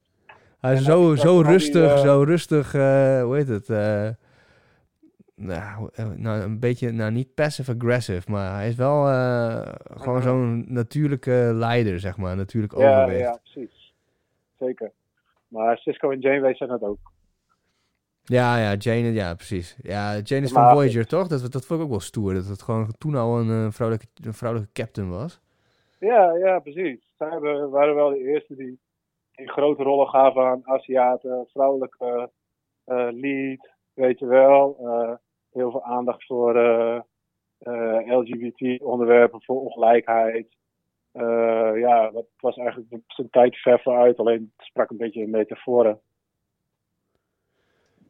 Ik vond, eh, ik, vond ik, ik heb een keer eh, de memoires, of ik weet niet, een soort van geschiedenis, maar dan meer vanuit, vanuit ehm, ah, dan ben ik zijn naam kwijt, van Spock. Eh, hè? Hoe, heet, hoe heet die gast nou? Leonard Nimoy. Ja, Leonard Nimoy, zo- zo'n biografie gelezen. En dat het, eh, ehm, dat het in het begin ook heel lastig was voor hem en voor William Shatner. Omdat toen die serie helemaal nieuw was, en toen, eh, toen was het gewoon duidelijk van, nou ja, Captain Kirk is gewoon eh, de man, weet je wel. Maar gedurende het eerste seizoen eh, begon, begon eh, Leonard Nimoy gewoon veel meer fanmail te krijgen dan, eh, dan William Shatner. Oh, En toen, werd, en toen werd het er in één keer zo'n van... Er werd ook gewoon, op de set werd het ook gewoon een beetje grimmig. Dat trok die Kirk, trok het gewoon niet. Dat Spock het gewoon Ja. eh, van een won. Maar toen moest ze pas echt pas in seizoen drie of zo... eh, eh, eh, werd het ook in het verhaal een beetje... eh, eh, werden die characters ook een beetje op elkaar uitgebalanceerd. Zo van dat Kirk kreeg de chickies, maar Spock was wel de bosso. ja, ja. Grappig. Ja. En ik heb laatst ook uh, Unorthodox gezien, de serie. Vond ik ook fantastisch. Ah ja. Ik vond het wel een tegenvaller dat eh, het verhaal, zeg maar, het gaat dan dat zij die, dat conservatorium ingaat. Maar het originele verhaal had ik opgezocht en zij is gewoon schrijfster. Ja, ze hebben het in een andere tijd en een andere, andere plek en een andere context geplaatst. Maar volgens mij zijn de struggles wel allemaal gewoon echt of zo. Ik vond het niet één oprecht overkomen. Ja, ja ik, ik, ik, ik, had, ik zag dat Martin eh te Braken, die had er echt een lovend eh, stukje op Facebook over geplaatst. Dacht van, ah ja, oké, dat wij hebben ongeveer wel de- dezelfde smaak, dus ik, ik ging dat checken. Mhm. Maar eh, ja, ik, ik, ik weet niet. Ik, het, het raakte mij toch niet, niet zo hard of zo. Het was ook meer dat ik dacht van ja, maar dit wisten we toch al. Dat heb je toch ook met Amish en allemaal andere Oh, cult- oh, culturen ja, zo. Van, het is toch niet super schokkend dat, dat, dat dit er is. Oh ja. Ik bedoel, als je, naar de mos Mhm. als je gewoon in, in eh, Amsterdam kijkt, zit, zitten waarschijnlijk al honderden gevallen van vrijgevochten vrouwen uit een moslimgemeenschap bijvoorbeeld. Ja. ja, dat is waar. Maar volgens mij zitten daar in, in Williamsburg iets van 40 of 20.000 van die mensen. Met elkaar. Weet je, dat is toch, ja, het, is gewoon best wel gek. Ja. Ja, vooral, En ik heb vooral, eh, dat toen ze Tiger zwanger... King ook gezien. Ah ja. ja. Ben jij Joe Exotic? God damn it! God damn it. I'm a gun-toting, hippie-loving, uh, gay male. of wat is wat hij ook alweer Hij wil worden. Wat een mogol. You fucking fired. Ja. Mooi. Ja, die was, dat, was, dat was ook wel, dat was gewoon weer zo'n zo'n typisch Netflix crazy shit gewoon. Mhm. Ja, ik dacht eerst, ik ga het niet kijken. Want ik dacht van, ik hoef het helemaal niet te zien hoe die mensen met die dieren omgaan. Maar toen eh, heb ik mijn zusje even gevraagd, de grootste dierenliefhebber die ik ken ongeveer. En die zei dat het wel eh, de moeite waard was om te gaan kijken. Dus toen heb ik het gedaan, geen spijt van gehad. Ah ja. Ja, ik vond het, ik, ik, heb je die allerlaatste aflevering ook gezien? Die er wat later kwam? Er is nog een soort van Ja. eh, beschouwing. Ja, precies. Dat, eh, met die gast van Community. Precies. En daar wil ik, ook, Ja. ja, dat wil ik nog zeggen van, het, ik kende de community helemaal niet. En toen, eh, toen was er zo op een gegeven moment zo'n gesprek tussen, tussen, die, tussen hem en die gast zonder benen. En ehm, eh, toen zei hij van, ja, hoe voelt het nou om een ster te zijn? Hij zei, ja, ik ben helemaal geen ster. Ik ben gewoon een gast in een docu. Jij bent een ster. Ik dacht van, hé, wie, wie is die fan dan? En toen ging ik het Ah. opzoeken en toen ben ik Community gaan kijken. En ik ben nu helemaal hooked. Ja, dat is geweldig, hè? Zo fucking grappig. Misschien dat ik het ook nog wel even opnieuw ga kijken een keer. Ja, dat is echt... eh, Maar eh, ja, ik vond die laatste wel eh, ook wel tof en interessant en zo. Maar ik had er eigenlijk op- gerekend dat er nog een aflevering daarna kwam. Dat het niet het einde was. Dus ik had nog een soort van klapper verwacht. Dus toen, toen was het in één keer een soort van eh, corona-zoom-uitzending. Dus ja, wel jammer. Maar wel interessant hoor, waar die mensen nu allemaal mee bezig waren en waar ze stonden. Maar Ja, maar het is ook wel heftig dat iedereen die, die, die, die gewoon nu zelfs na het uitkomen van die serie, zeg maar, nie- niemand neemt het voor hem op, zeg maar. Iedereen zegt van, nee, het was gewoon compleet geschifte mogol. ja, Dat, dat, vind, dat dacht ik van, wow man, dat, dat niemand, dat iedereen jou gewoon de rug toekeert. Niemand wil iets met je te maken hebben. Dat lijkt me echt zo Nee, pijnlijk. precies. Gewoon, eh, dat- bijna meerdere, meerdere lui zeggen van, nou, ik hoop, eh, die komt niet levend uit jail. Dat hoop ik echt niet. zo, eh, nee, precies. zo heftig. Ja, bizar. Ja, maar ja, goed, heel veel mensen doen dat ook uit, uit, uit een soort van zelfbescherming natuurlijk. Waar een groot deel van de jongens die is net zo fout als Joe Exotic bijna. Ja, die, ja, ja misschien, misschien is dat het ook. Ik- Ja, dus die denken allemaal van ik zit lekker, eh, lekker thuis met mijn tijgertjes. Laat hem maar in de bak zitten. Ja, de meest verbazing, de mooie dude was eh, die eh Doc Antle. Ja, klopt. Wat een een- jongen. Viespeuk, jongen. Dat is echt zo, dit moesten we gelijk denken aan Wild Wild Country. Ja, precies. Oh, wat smerig. Ja, en eh, nee, weet je, jij, jij moet een boobjob, eh staat eh, volgende week gepland. Ja, Eh, Oké. oh, chill, hoef ik een paar dagen niet te werken. Relax, nou, laat, nou, doe dan maar. mhm. ja, nou ja, mooi. Heb jij nog eh, leuke dingen gezien de laatste tijd dan? Aanraders. Hmm.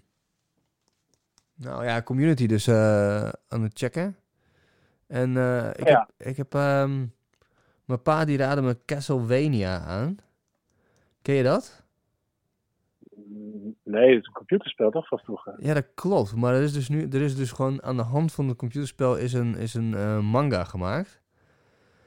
En het staat gewoon op Netflix. En de, het eerste seizoen is vier afleveringen van 20 minuten. Het tweede seizoen is acht afleveringen van 20 minuten. En het derde seizoen is 10 afleveringen van 20 minuten. Dat is super behapbaar. Oh, En ik begon er ook echt aan zo van, nou, nou oké, mijn pa die, die- ja, die, die weet meestal wel wat vet is, dus ik ga het wel even checken. mhm. En eh, toen begon ik en toen, ja, ik, zat, ik was er gelijk al helemaal in. Fucking mooi getekend. Het verhaal nog best wel sterk ook. En ehm, nou ja, het gaat over, eh, het eerste deel gaat gewoon over Dracula en dat hij, eh, dat hij eerst me- menselijk, de menselijke kant leert kennen en dan vervolgens verraden wordt en, eh, en, en zijn wraak neemt. Mhm. En eh, dat laatste is dan, bouwt dan verder, omdat hij dan zo'n grote rol heeft gespeeld in die vampier community, zeg maar. Hij is dan echt de baas over hun, de koning. En als hij weg is, dan eh, wat gebeurt er dan? Weet je, dan moet die macht weer, die machtverdeling moet weer eh gerestored worden en zo. En dat, ja, dat is gewoon, Ah. ja, gewoon, gewoon eh, Empire Intrigues. ja, ja, maar Jenny die had, eh, mijn vriendin die had ook echt zoiets van, nou, ik ga die shit echt niet kijken. En toen na twee afleveringen hadden ze, nou oké, eh, volgende dan maar. Ja, We hebben het Ja. echt gewoon in één dag gebinged gewoon. netjes. Ja, ja. En ehm, ja. Ja. Gaat je met Star Trek niet lukken? Nou, we, zijn, eh, we zijn wel eh, redelijk ver. Seizoen 4 van de Next Generation. Oh, dat schiet mooi op. Ja, we- En als je dan zeg maar, als je dan aan Voyager en Deep Space Nine begint, dat kan gewoon tegelijk. Als je Next Generation af dan heb je op een gegeven moment ook nog een leuke tussenstop. En dan Star Trek Discovery. Dat is net wat nieuwer en daar zit wat meer actie en heftigheid in. Ja, die heb ik, al helemaal, die heb ik al helemaal gekeken. Ja. Dat, dat, dat ja. ik echt, echt eh, een Ja, ik, had er he- helemaal geen eh, verwachting bij. En eh, ja, ik vond het, het verhaal gewoon zo fucking goed. Ja, dat was tof, hè? Ja, Ik vond het ook heel vet. Ook zeg maar die, eh wat is het ook alweer? Tyler? Nee, die, eh, die oh ja, de hoofdrolspeelster. Eh damn it. Ik ga het even opzoeken. Michael. Michael, ja. Ja, super vet geacteerd ook door haar. Wel een paar gekke dingetjes wat gewoon heel veel oude Star Trek heeft een soort van wetenschappelijke basis en dat hebben ze hier wel een klein beetje losgelaten. Maar maakt niet uit, gewoon een goed verhaal, knallen. Ja, gewoon, gewoon intrige. Maar het was, het, uiteindelijk had ik echt het idee dat je een boek had gelezen, zeg maar. Dat je echt zo, zo echt het- zo'n spanningsboog zat erin van een inleiding. En dan gaat het eigenlijk heel diep pieken, maar ook met, met de hoofdpersoon meeleven, zeg maar. En dan, Mhm. eh, en dan die release op het einde van, oh, oké. Ja, ja, heel slim, heel tof. Super tof. Ja, alles, alles zat er wel in. Time travel, craziness, parallele dimensies. Ja, precies. Ja. Ja, dat is ook heel lijp. Ja, dat in één keer dat, dat die schakeling ook, dat die nieuwe captain ook gewoon een vette weirdo is, zeg maar. Dat is ook echt Ja. zo, wow, wow. Nou niet te veel spoilers meer, want mensen die, die luisteren hiernaar, toch? Ja, ja, ja, ja, dat klopt. Mensen luisteren hiernaar. Maar ja, goed, bedoel, eh, eh, de echte trackies, die hebben die shit toch al gezien, weet je? ja, dat is waar. En rest die begrijpt er geen kut van, dus dat is ook allemaal prima. Ja, Dat is goed zo. ja daarom, daarom. Maar ga even Mhm. Star Trek checken, eh, peoples. Je hebt toch de alle tijd van de wereld nu. Ik bedoel, Ja, precies. Zo is dat. En je hebt gewoon voor weken letterlijk aan materiaal. vermaak. Ja, precies. Ja, ja en, eh, en ik ben eh, een- fantasyreeks eh, begonnen te lezen ook. Ehm, Oh. nou, het heet The First Law, heet de trilogie. Van Joe Abercrombie. Vond ik wel een brute naam. En ehm, de, het eerste boek heet The Blade Itself. En daarna komen nog twee boeken. En ze allemaal rond de 500 pagina's. Nou jongen, ik zit nu op pagina 300 nog wat. En ik heb eindelijk het idee dat het een beetje afgelopen is met het introduceren van de characters. En dat we nu misschien wel, misschien wel gaan beginnen aan het verhaal, zeg maar. Oh, jezus. En dan bijna gewoon het einde van het eerste boek. En ik heb zoiets van, kreeg van een eh, vriend van mij eh, Dune, dat eerste boek. Een beetje sci-fi, eh, fantasy-achtige shit is dat. is echt old school. En ik denk, het voor, ja. Ja, David Lynch heeft ook een film gemaakt eh, daarover. En, eh, Mm, ja, vandaar. en ehm, het is, eh, meerdere lui hebben het geprobeerd. ehm, en dat is, het is gewoon heel moeilijk, omdat die wereld zo groot en zo, zo gruwelijk eh bruut gemaakt is. Ja, precies. Dus dat is wel, eh, dat, ja, ik ben benieuwd naar het boek gewoon. Ik, dus ik heb zoiets van, als ik deze eerste van, eh, van die reeks uit heb, dan, eh, dan ga ik Dune lezen. En, en daarna, als ik dan nog zin heb, dan ga ik wel weer terug. Ja, ja, precies. Maar ja, zo kom je de dagen nog eens door, weet je. Ja, joh, precies. Ja, en ik was ook nog, nog met een ander project bezig trouwens. Kan ik nu zo wel even vertellen. Eh, van COVID naar Kivit. Dus ik ben eh, weidevogels op de foto aan het zetten met een dikke lens. Eigenlijk iets wat ik altijd ook wel een beetje wou doen. Maar nou ja, daar heb je ook gewoon echt knijters veel geduld en tijd voor nodig. Eh, om op die vogels te wachten. En dat ja, ben ik ook een beetje aan het, aan het doen nu. Waar, waar, zijn, waar, waar vind je kiwits dan? Kivit vind je op de, ja, gewoon weilanden, zeg maar, net een beetje buiten de stad. En dan niet, eh, niet die hele grote, eh, langgerekte weilanden, maar een beetje die kleintjes. Je vindt ze wel veel in het eh, oude Rijdiepgebied. En maar achter Kardingen heb je ook een soort van poldertje, daar zit ze ook. Maar ga je dan als een soort van sniper, zeg maar, in zo'n eh, bospak een beetje zo liggen en dan met je... Nee, heel weer gek. nee, zover, ga ik, zover ben ik nog niet gegaan. Kom op man, gewoon lekker daar chillen. Even bij eh Sips Dump, even langs om eh, zo'n militair setje te halen. Ja, misschien moet ik het toch maar doen. Dat is echt veel te vet man, dat, moet- je gewoon doen. Ja, precies. Gewoon... Ja, als iemand me dan in de bosjes ziet liggen, dan denken ze, wat is dit nou? Al-Qaeda. nee joh, niemand denkt iets. Gewoon, je moet gewoon, eh, als je foto, fototoestel om je nek hebt en, Eigenlijk een Ja, beetje zo'n goofy petje moet je nog hebben. Zo. Zo'n zo'n eh, zo'n vissershoedje die je zo de voorkant zo naar achter kunt eh, klappen. Zo. Nou ja, ja, ja, precies. Van die rantsoenetjes mee. Een soort van repen waar je een dag lang op vol kan houden. Ja, dan kan je gelijk ook zo'n eh, zo'n veldfles die dan bij... Ja, een krat bier. ja. Krat bier. Tien- tientje hash. Ja, dan, ligt, dan, dan ligt me wel iets meer. Het wordt steeds leuker. Zegel LSD, in zo'n toren gaan zitten en wachten. Joe! kiwi, kiwi, kiwi. Maar Kiwi! Hier komen! Ik wil een foto van je maken! Ja, Amy jong. maar die Oh, maakt... Kiwi spreekt geen Gronings, we moeten Fries. Ja, precies. Hey Kiwi, joh, ik wil een foto van die meisje. Agoeie. maar die, die, die kiwis, die maken toch... eh, die zijn super territoriaal, toch? Die gaan eerst echt een half uur zo piep, piep, piep, piep, piep, als jij eh, in de buurt bent. Ja, ja, nou, nu waren ze vooral met zichzelf bezig. Dus volgens mij waren ze een beetje hun eh, territorium aan het afbakenen. Maar als je, ze blijven best wel ver weg van de mensen. Maar als je echt een beetje dicht, dichtbij een, eh,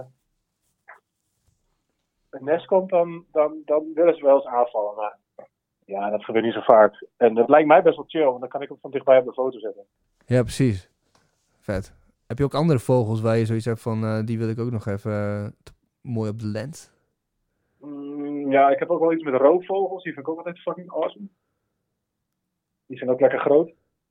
En eh ik heb laatst ook spreeuwen op de foto gezet. Zo'n spreeuwenwolk. Ah ja. Dat ja, je ja, echt ja, zoiets van, van 100.000 of 20.000 van die fucking beesten bij elkaar hebt. Die dan eh, een soort van, ja, een choreografie lijkt het wel in de lucht doen. Echt super vet. Ja, Foto's zijn allemaal terug te zien op mijn, op mijn Facebookpagina trouwens. Knelis. Ed Knelis. Eh Niels Knelis. Ed Niels Knelis. Vet. Ja. Ik zal even een linkje zetten in het, eh, in het artikeltje. Want wat, wat, wat Ja, voor... dat de mensen dat even weten. Ja, daarom. Hoppa. Ja, en, eh, promote yourself. En binnenkort eh, gaat de webshop open, dus mensen support je.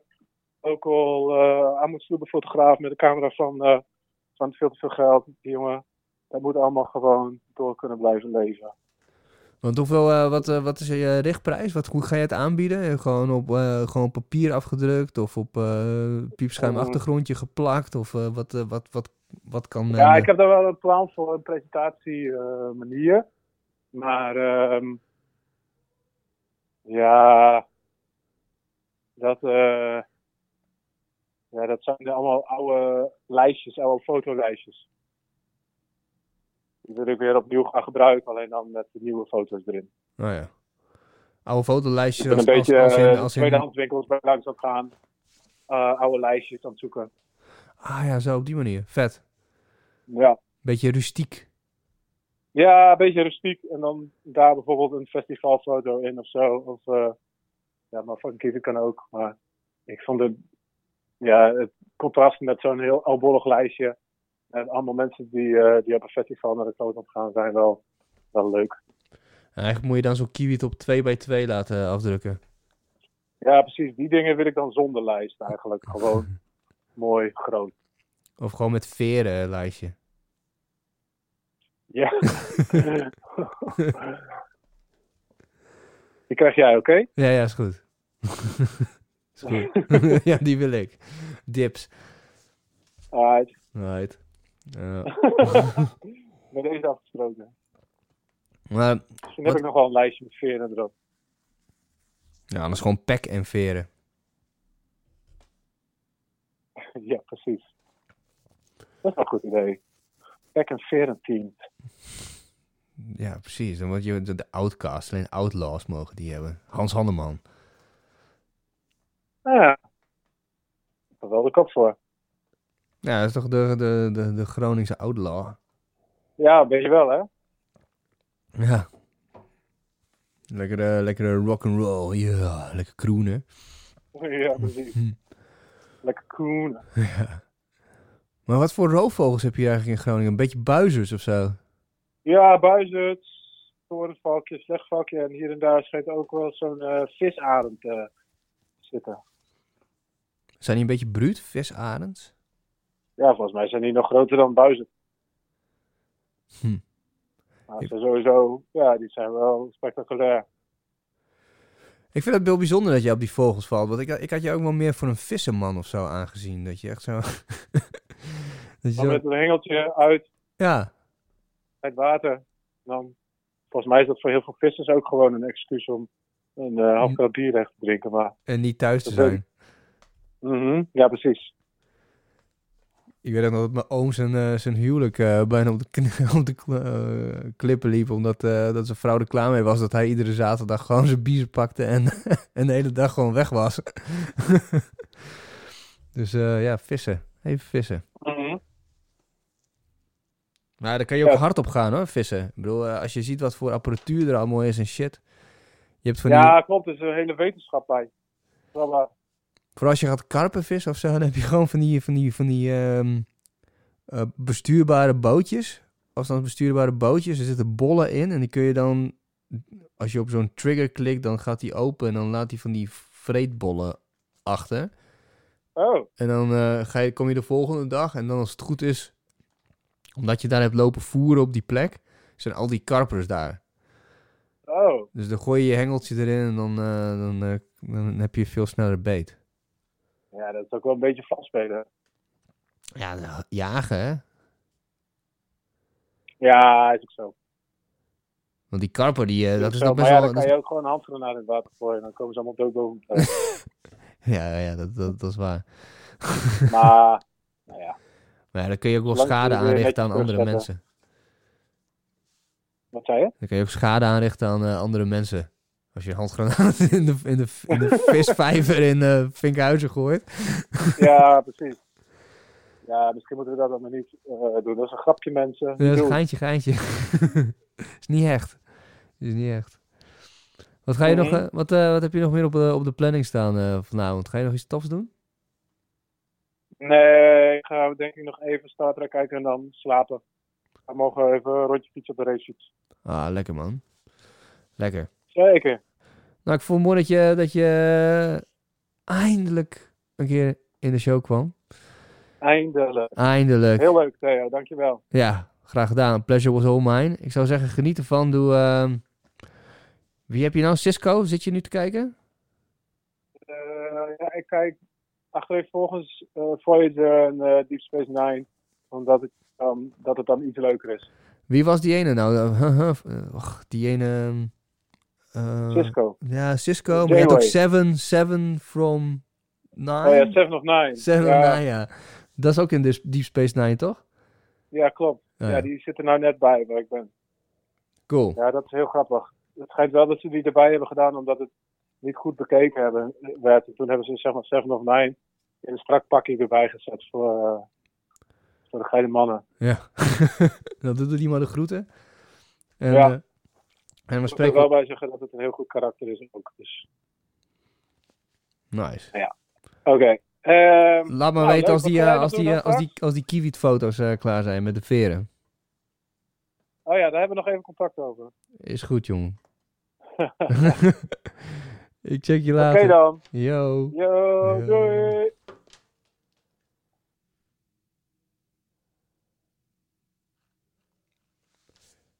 Dat was hem weer, luisteraars. Maar voordat we afscheid nemen, nog één dingetje. Want we hebben het natuurlijk over Broken Brass gehad met sidekick DJ Irie. Dus eh, enjoy deze vette track. En eh, tot de volgende keer.